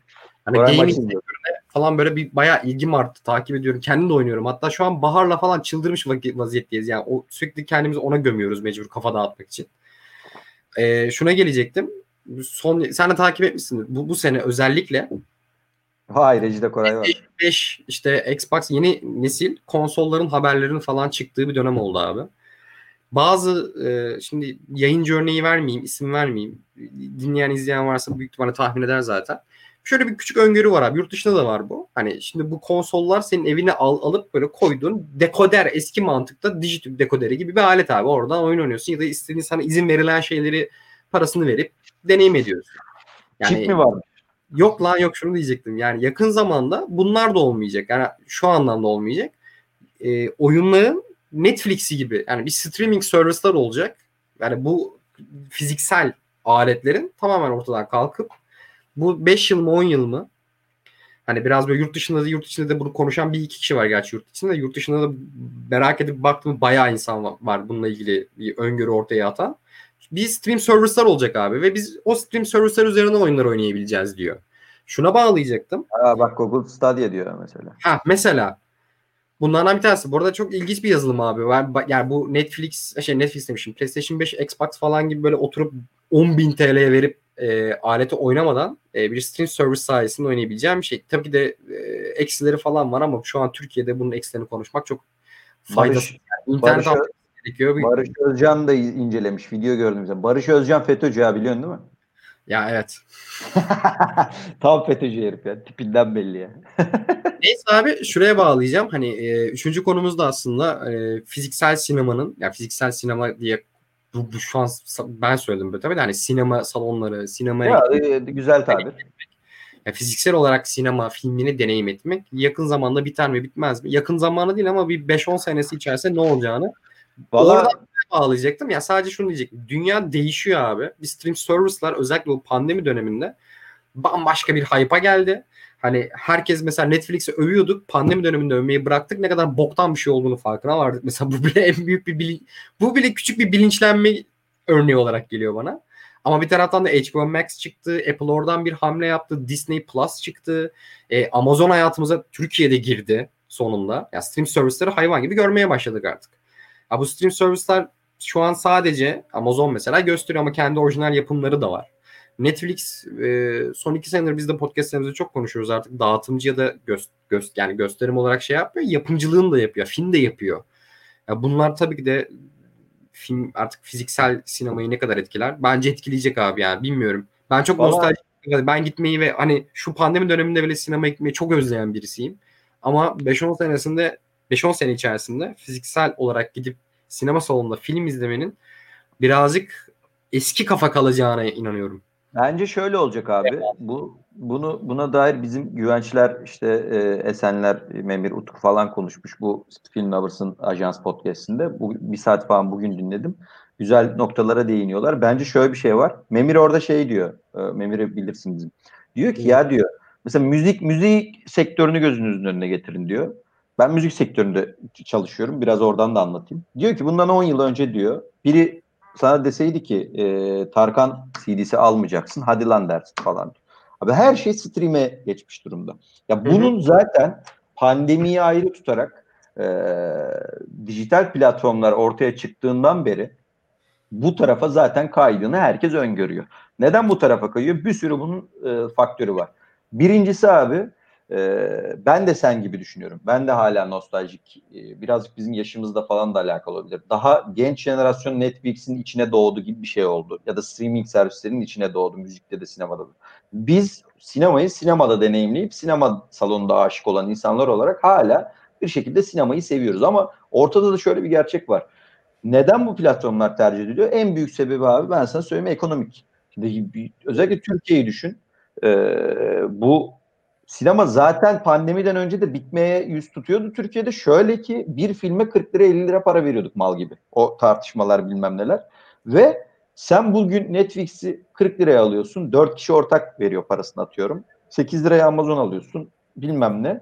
Yani ayda bir paraya sınırsız sayıda neredeyse film izleyebiliyorsun ve şöyle kendi evinde e, çok rahat bir şekilde e, istediğin gibi durdurarak, konuşarak, tuvalete giderek, işte bira içerek, goy goy yaparak film izliyorsun.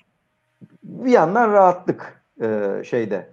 Hem ekonomik olarak rahatlık hem de fiziksel anlamda rahatlık. Çünkü bakma biz sinemada seviyoruz ama bir sürü insan da sinemada hiç umurunda olmadan mısır yiye yiye muhabbet ede de film izliyor. Yani çok böyle bir şey kültürü yok. kör edecek iPhone ekranıyla böyle telefonla karıştırarak. Doğru.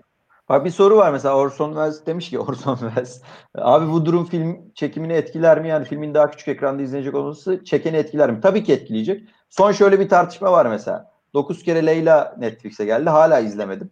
Çok çok kötüleniyor abi. Yani sinema Evet. yazarları tarafından, normali izleyen seyirci tarafından yani beğenen görmüyorum. Çok çok nadir gördüm. Diyor ki orada Ezel Akay mesela bir açıklama yayınlamış kendince. Bir e, izleyenin yazdığı bir açıklamayı retweet etmiş daha doğrusu. Şey diyor. Ben bu filmi sinema için çekmiştim. Ee, ama Netflix'te yayınlandığı için şey oldu diyor. Ya filmin iyiliğini kötülüğünü tartışmıyorum. İzlemedim çünkü. Ee, ve e, bu, bu bahane mi? Bahane de olabilir falan filan. Ee, ama artık mesela Christopher Nolan başında da bu yayının neden ısrarla Tenet'in sinemada görülmesi? Çünkü filmi IMAX için çekti abi zaten. Artık günümüzde bu tarafa kayınca, e, mecburen kayınca e, ister istemez Netflix'e mi, Blue TV'ye mi yapıyor, Amazon'a mı yapıyor? Küçük ekranda izleneceğini bilerek yönetmenler film çekecek. Çünkü çok farklı denklemler. Yönetmen arkadaşlarımızla da konuştuğumuzda bunun şeyini onlar daha teknik bize ayrıntılarını anlatıyor bunun mesela hani küçük ekrana çekmekle büyük ekrana çekmenin o, o teknik farklarını onlar ben o kadar vakıf değilim ama onlar çok net bir şekilde anlatıyor. Burada asıl mesele şu abi sorun şu. Bu işin zaten bu kadar dijitalleşen bir toplumda, insanlıkta streaming servislerine kaymayacağı zaten düşünülemezdi. Ama ne oldu? Pandemi sebebiyle özellikle bu biraz önceki o yansıttığımız haberde de e, Werner'ın verdiği karar bence tarihsel bir kırılma anlarından biri olabilir. Olabilme ihtimali var. Çünkü bu dünyanın en büyük stüdyolarından biri e, ben sinemaya koyarken aynı anda şeye de koyacağım diyorsa e, streaming platformlara da koyacağım diyorsa gerçi şey diyorlar 2022'de her şey düzelirse bunu tercih etmeyeceğiz diyor ama bence o iş birazcık zor. Yani artık bir kere bu yola girilirse geri dönüşü çünkü onun çok zor olacak. Ama şöyle bir durum var. Ee, bir yandan da tüm stüdyolarda buna geçiş yapacak. Sadece pandemi bu süreci hızlandırmış oldu. Zaten oraya doğru gidiyordu. Pandemiyle beraber özellikle sinema salonlarının içinde düştüğü durumdan dolayı bu iş çok hızlandı ve ben hiç kimseye de şunu da diyemem mesela. Yani niye sinemaya gitmiyorsun, evinde izliyorsun? Abi herkesin kendi deneyimi bu. Bence birazcık şeye dönecek sinema. Yani sinema biter mi? Bitmez sinema salonu. Şöyle bitmez. Senin dediğin noktaya gelir. Artık film izlemek, sinema salonunda film izlemek bence bir evente dönüşecek. Bir tiyatro izleme şekline dönüşecek. Nasıl böyle tiyatroyu çok seven e, arkadaşlarımız var. Ben de severim ama sürekli tiyatro izlemeye gitmem. Mesela bir oyuna gideceksem o gün benim için bir event gibidir. Mesela hani e, işte atıyorum bir arkadaşımın oynadığı bir oyuna gideceğim. Ona göre o gün planımı yaparım. Ona göre işte gitmeden otururum bir yerlerde bir şey içerim. Orada işte bir arkadaşlarla muhabbet ederim. Oyunu girer izler çıkışında da muhabbet ederiz falandır filandır. Bir eventtir yani bu. Hani kendi, sosyal anlamda kendini tatmin etmek için yapılan aktivitelerden biri. Bence sinema salonu da e, şeye dönecek. Bu, bu sinema salonunda film izlemek meselesi de buna dönecek abi. Şöyle olacak. Zaten bunu aslında mesela festivaller niye bu kadar çok seviliyor abi? Şimdi sen ben gibi yıllardır festivalde rutine oturtmuş insanlar var. Ee, bir kesimi ayrı tutuyorum. Or çünkü en büyük bizim en sevdiğimiz festival sen de hep söylersin İstanbul Film Festivali'dir. Çünkü keşiftir. Yani orada belki yıl içinde başka hiçbir yerde izlemeyeceğimiz filmleri bir şekilde keşfetmektir. Ama özellikle film ekimini düşün. Film ekimi neden bu kadar e, anında yarım saatte biletleri bitiyor? Bir event abi film ekimi. Film ekimine gideceksin. O filmi ilk senin izlemen, o filmi evet. izlerken orada o orada. filmi Tabii tabii ilk seni izlerken işte yanında birilerinin olması, tanıştığın insanlarla muhabbet, diyalog, bilmem ne yani bir event ya aslında. Artık iş tamamen bu noktaya kayacak bence. Yani Yok çok doğru. Başka, başka sinema gibi olacak mesela. Başka sinema e, evet e, rutin gösterimler oluyor ama bir de başka çarşambalar yapıyor ya abi hani. Sanki birazcık bence iş oraya doğru dönecek ve işte Beyoğlu sineması gibi, Kadıköy sineması gibi sinemalar eğer bu şeyi atlatırsa daha böyle küratör elinden çıkan e, gösterimler. Atıyorum işte Hitchcock'un bir filmini gösterecek diyelim ki o akşam. Ona göre bilet satacak. Ya da işte atıyorum e, Fincher seçkisi yapacak. Beyoğlu Sineması tam bunu yapmaya başlamıştı. Kadıköy Sineması da aslında şeyden önce, e, pandemiden önce ufak ufak ikisi de yapmaya başlamıştı. Yani bir yandan sinema salonlarının bir e, büyük ölçüde biteceğini düşünüyorum. Ama eğer bu krizi atlatabilirlerse o kapısı sokağa açılan sinema dediğimiz salonların bunu bir fırsata çevirebileceğini de tabii ki bu ekonomik şartları bambaşka onu detaylıca konuşmak öğrenmek lazım ama bir fırsata da çevirebilirler gibi geliyor. Yani demek istediğim şu özetleyecek olursak her şey bir evente dönüşecek gibi geliyor. Mesela orada bir yorum var. Koray yazdı galiba. Spor karşılaşmaları da buna benzer bir etkiyle karşılaşacak. Olabilir. Spora sen daha hakimsin. Ama orada da bence aynı bir mantık dönecek. Yani artık ee, stada stream, gitmek gibi sinemaya gitmek var ya olacak yani. Gibi yani hani ya da stada gidenler de her hafta manyak gibi o stada gitmekten ziyade maç seçecek bence. Mesela hani şey yapacak. Diyecek ki atıyorum evet. Galatasaray'la Real Madrid maçını gidecek işte atıyorum oradan bir topçu izlemek için ya da Madrid gelmiş lan şey yapacağım diye. Ha Sefoli demiş ki dağıtımcı açısından durum bir o kadar da vakit değil. İnanılmaz vahim. İnanılmaz vahim mesela. Ben de konuya oradan girecektim. Hazır dağıtımcı açısından durum vahim mi diye sor, soracak olursan. Mesela bu tartışma ilk e, biz de üzerine konuşmuştuk Burak. Sana yani hatırlarsan söyle. Şöyle bir şey oldu. Pandemi döneminin başında, başında diye hatırlıyorum. E, şimdi stream servisler Blue TV'de söyleyeceğim hani. E, orada film gösterimleri ya o dönem sinemaya e, vizyona gireceği e, düşünülen filmleri Blue TV gösterme kararı aldı. Ama ne yaptı? Blue TV olmasına rağmen sen o filmi izlemek için bir 10 TL 15 TL daha vermen gerekiyordu. Aha. Aslında sinema bileti için çok düşük bir fiyat. Normalde 30-32 lira falan veriyorduk çünkü yani. Ama işin içine tabii ki de burada Türkiye ekonomisinde yaşamanın verdiği bir etki de olabilir. Diyorsun ki ulan ben zaten Blue TV'ye atıyorum x lira veriyorum. Bir de üzerine filme 15 lira vermem diyorsun. Orada film en büyük bariyer burada zaten. Stream servislerin en büyük bariyeri burada. Yani sen dağıtımcı da yani izle, izletenler Netflix olsun, Blue TV olsun ya da herhangi bir streaming service olsun. Bundan bağımsız ben bir filmimi sana satayım abi. İzleyen başına da 10 TL sanki bilet kesiyormuş gibi. Bu, bu işlemeyen bir sistem. Bunu denediler. Bu olmadı. En büyük bariyerlerden biri oldu. Artık bundan sonra nasıl bir anlaşma sağlarlar? Ne yaparlar? Hiç bilmiyorum. Mesela Ya şöyle abi. Mesela 2-3 tane güzel Türk filmi Netflix'e girecek mesela. Yani onların arka planla nasıl bir anlaşma yaptığını, izleme başına mı? Orayı hiç bilmiyorum. bu arada yapım abi da, yapımcı dağıtımcı e, değil de şöyle yönetmen açısından streaming servisleri çok daha avantajlı. Çünkü sinemada kaç kişi izledi, ne kadar gişe yaptın kaygısına yönetmenler artık düşmeyecek. Filmini Netflix'e verecek, UT'ye verecek, gerisine karışmayacak gibi bir durum. İban'ı verecek bir de. Gelene çünkü- bakacak. Çünkü açıklamıyor Netflix çok en çok izlenenleri haricinde hangi film ne kadar e, şey yaptı diye net bir açıklama yapmıyor hiçbir zaman abi baktığın zaman. Yapımcılar, dağıtımcılar için şöyle bir zorluk var. Kaan abi biliyorsun işte bir filmin ortaklarından biri. Çok sevdiğimiz bir arkadaşımız bizim de. O bir tweet atmış. E, diyor ki e, Warner'ın bu kararından sonra sinema salonları büyük ihtimalle bitmeye doğru gidiyor. Bu karar sebebiyle 3 aşağı 5 yukarı bunları söylüyor. Şimdi tam yanlış da söylemiyorum. Diyor ki Seyirci her zaman yine bir şekilde filmini izler. Bunda sorun olmaz. Ama burada sektörün bir ayağı bunu e, başta dağıtımcılar olmak üzere bunu çok zor atlatacak. Belki de atlatamayacak diyor. Yani e, bu da şey tarafı çok zor. Ne demiş Şafak? Bir de online festivaldeki belirli saatler arası izleme zorunluluğu sizce işliyor mu? İşliyor mu derken anlayamadım. Şö- şöyle Ya ama bunun sebebi var abi. Satın alıyorsun e, şey diyor atıyorum bugün aldın. Bugün kaç? Bugün ayın 7'si. O- 10 Aralık'a kadar izleyebilirsin diyor. 10 Aralık'tan sonra izlemeyi kesiyor sana.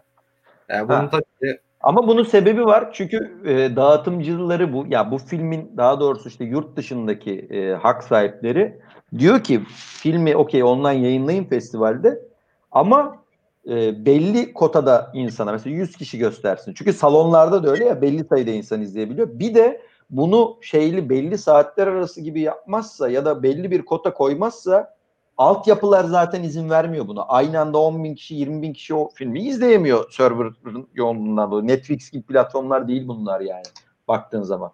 O yüzden eee, konsept olarak tutar mı streaminglere gelse? Ya denemek lazım. Ya bir eee, net bir şey diyemeyeceğim.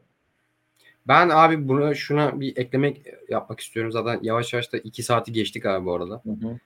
Ee, hep tek şu an gündemdeki olaylardan dolayı tek kanal düşünüyoruz. Hani ihtimal veriyorum sadece. Şimdi e, streaming servislerden dolayı film izleme deneyimi eve kanepene yayılıp ekrana bakmakla şu an sadece bağdaştırılabiliyor. Ee, bir bir şey daha bekliyor yani öngörü ama çok uçarı bir öngörü olabilir. Ben e, sadece bir görüntü izleme değil de bu deneyimi evde daha arttırabilecek başka teknolojilerin çıkmasıyla daha beter yapacağını düşünüyorum. Mesela en basit örneği 2000'leri 2010 2000-2010 arası bu surround işte evde home sinema ses konsepti vardı bilirsin abi. Meşhur herkes e, evinde olan insanın şeyi varmış gibiydi yani. Diş Türk'üm var abi gel maçı bizde izleyelim havası olan bir şeydi yani. Bunun tekrar dirileceğini düşünüyorum ben. Bu tekrar Olabilir. dirilir ve normal işte yani 5 artı 1 sistemden daha üst bir şey ortaya koyarsa yani evde izleme deneyimini daha başka bir boyuta eriştirirse o zaman zaten salonları falan bırakın abi yani. Ben öyle düşünüyorum. Ha, olur mu olmaz diyemiyorum. Evdeki ben abi düz ekrana bakma deneyimini başka bir boyuta bir tık başka bir boyuta evirebilecek başka bir teknoloji çıkarsa ses sistemi olsun yani ya da izlemekle ilgili bir başka yani bir televiz- yeni bir televizyon ekranı daha sana IMAX deneyimi yaşatacak başka bir teknoloji çıkar eder hiç bilmiyorum. Hani bundan 5-10 sene sonra karşımıza neler çıkarsa hiç bilmiyorum. Abi- Bir sinema e, yani fiziksel sinema bir şekilde bununla son çiviyi çakacakmış gibi geliyor bana abi. Benim öyle- da çok çok bence de doğru bir öngörü. Ben de abi şöyle toparlayayım sonra ufaktan kapatalım. Yine müzikten örnek vereceğim. Ee, eğer hala zaten sinema salonları abi ufak ufak bitişe doğru gidiyordu. Ee, çünkü hayat bu ha- bu hayatın hızıyla streaming servisleriyle yarışabilmeleri mümkün değildi. Yavaş yavaş gidiyordu. Pandemi bunu hızlandırdı. Bu bir gerçek abi. Ee, ama şöyle bir durum var. Israrla e, bu ilerlemede devam ederse, ısrarla sinema filmlerini e, sinema salonlarına sokmaya çalışmakta romantikliği bir kenara bırakarak söylüyorum bunu. Müzik sektöründen örnek vereceğim. Streaming ve Spotify varken, YouTube müzik varken, Apple müzik varken, işte Tidal varken, e, işte Deezer varken, Fizi varken, Mood varken ısrarla senin CD satmana e, CD satmaya çalışmana dönecek, dönüyor. Ama bunu sinemayı CD gibi değil, sinema abi plak gibi olacak. Şu an nasıl mesela plak abi plakçılık hani streamingden streamingden insanlar yine Spotify'dan dinliyor ama evinde de bir plakçaları var ve plak alıyor. Harcamaya gidip 100 liraya 150 liraya işte plak kovalıyorlar bir yerlerde, sahaflarda, bilmem nelerde, plakçılarda. Sinemada müzikteki plak gibi olacak abi. Yani bir o o klasmana gelecek. Yani tam bunu açıklayabildim mi? Anlatabildim mi demek istediğimi?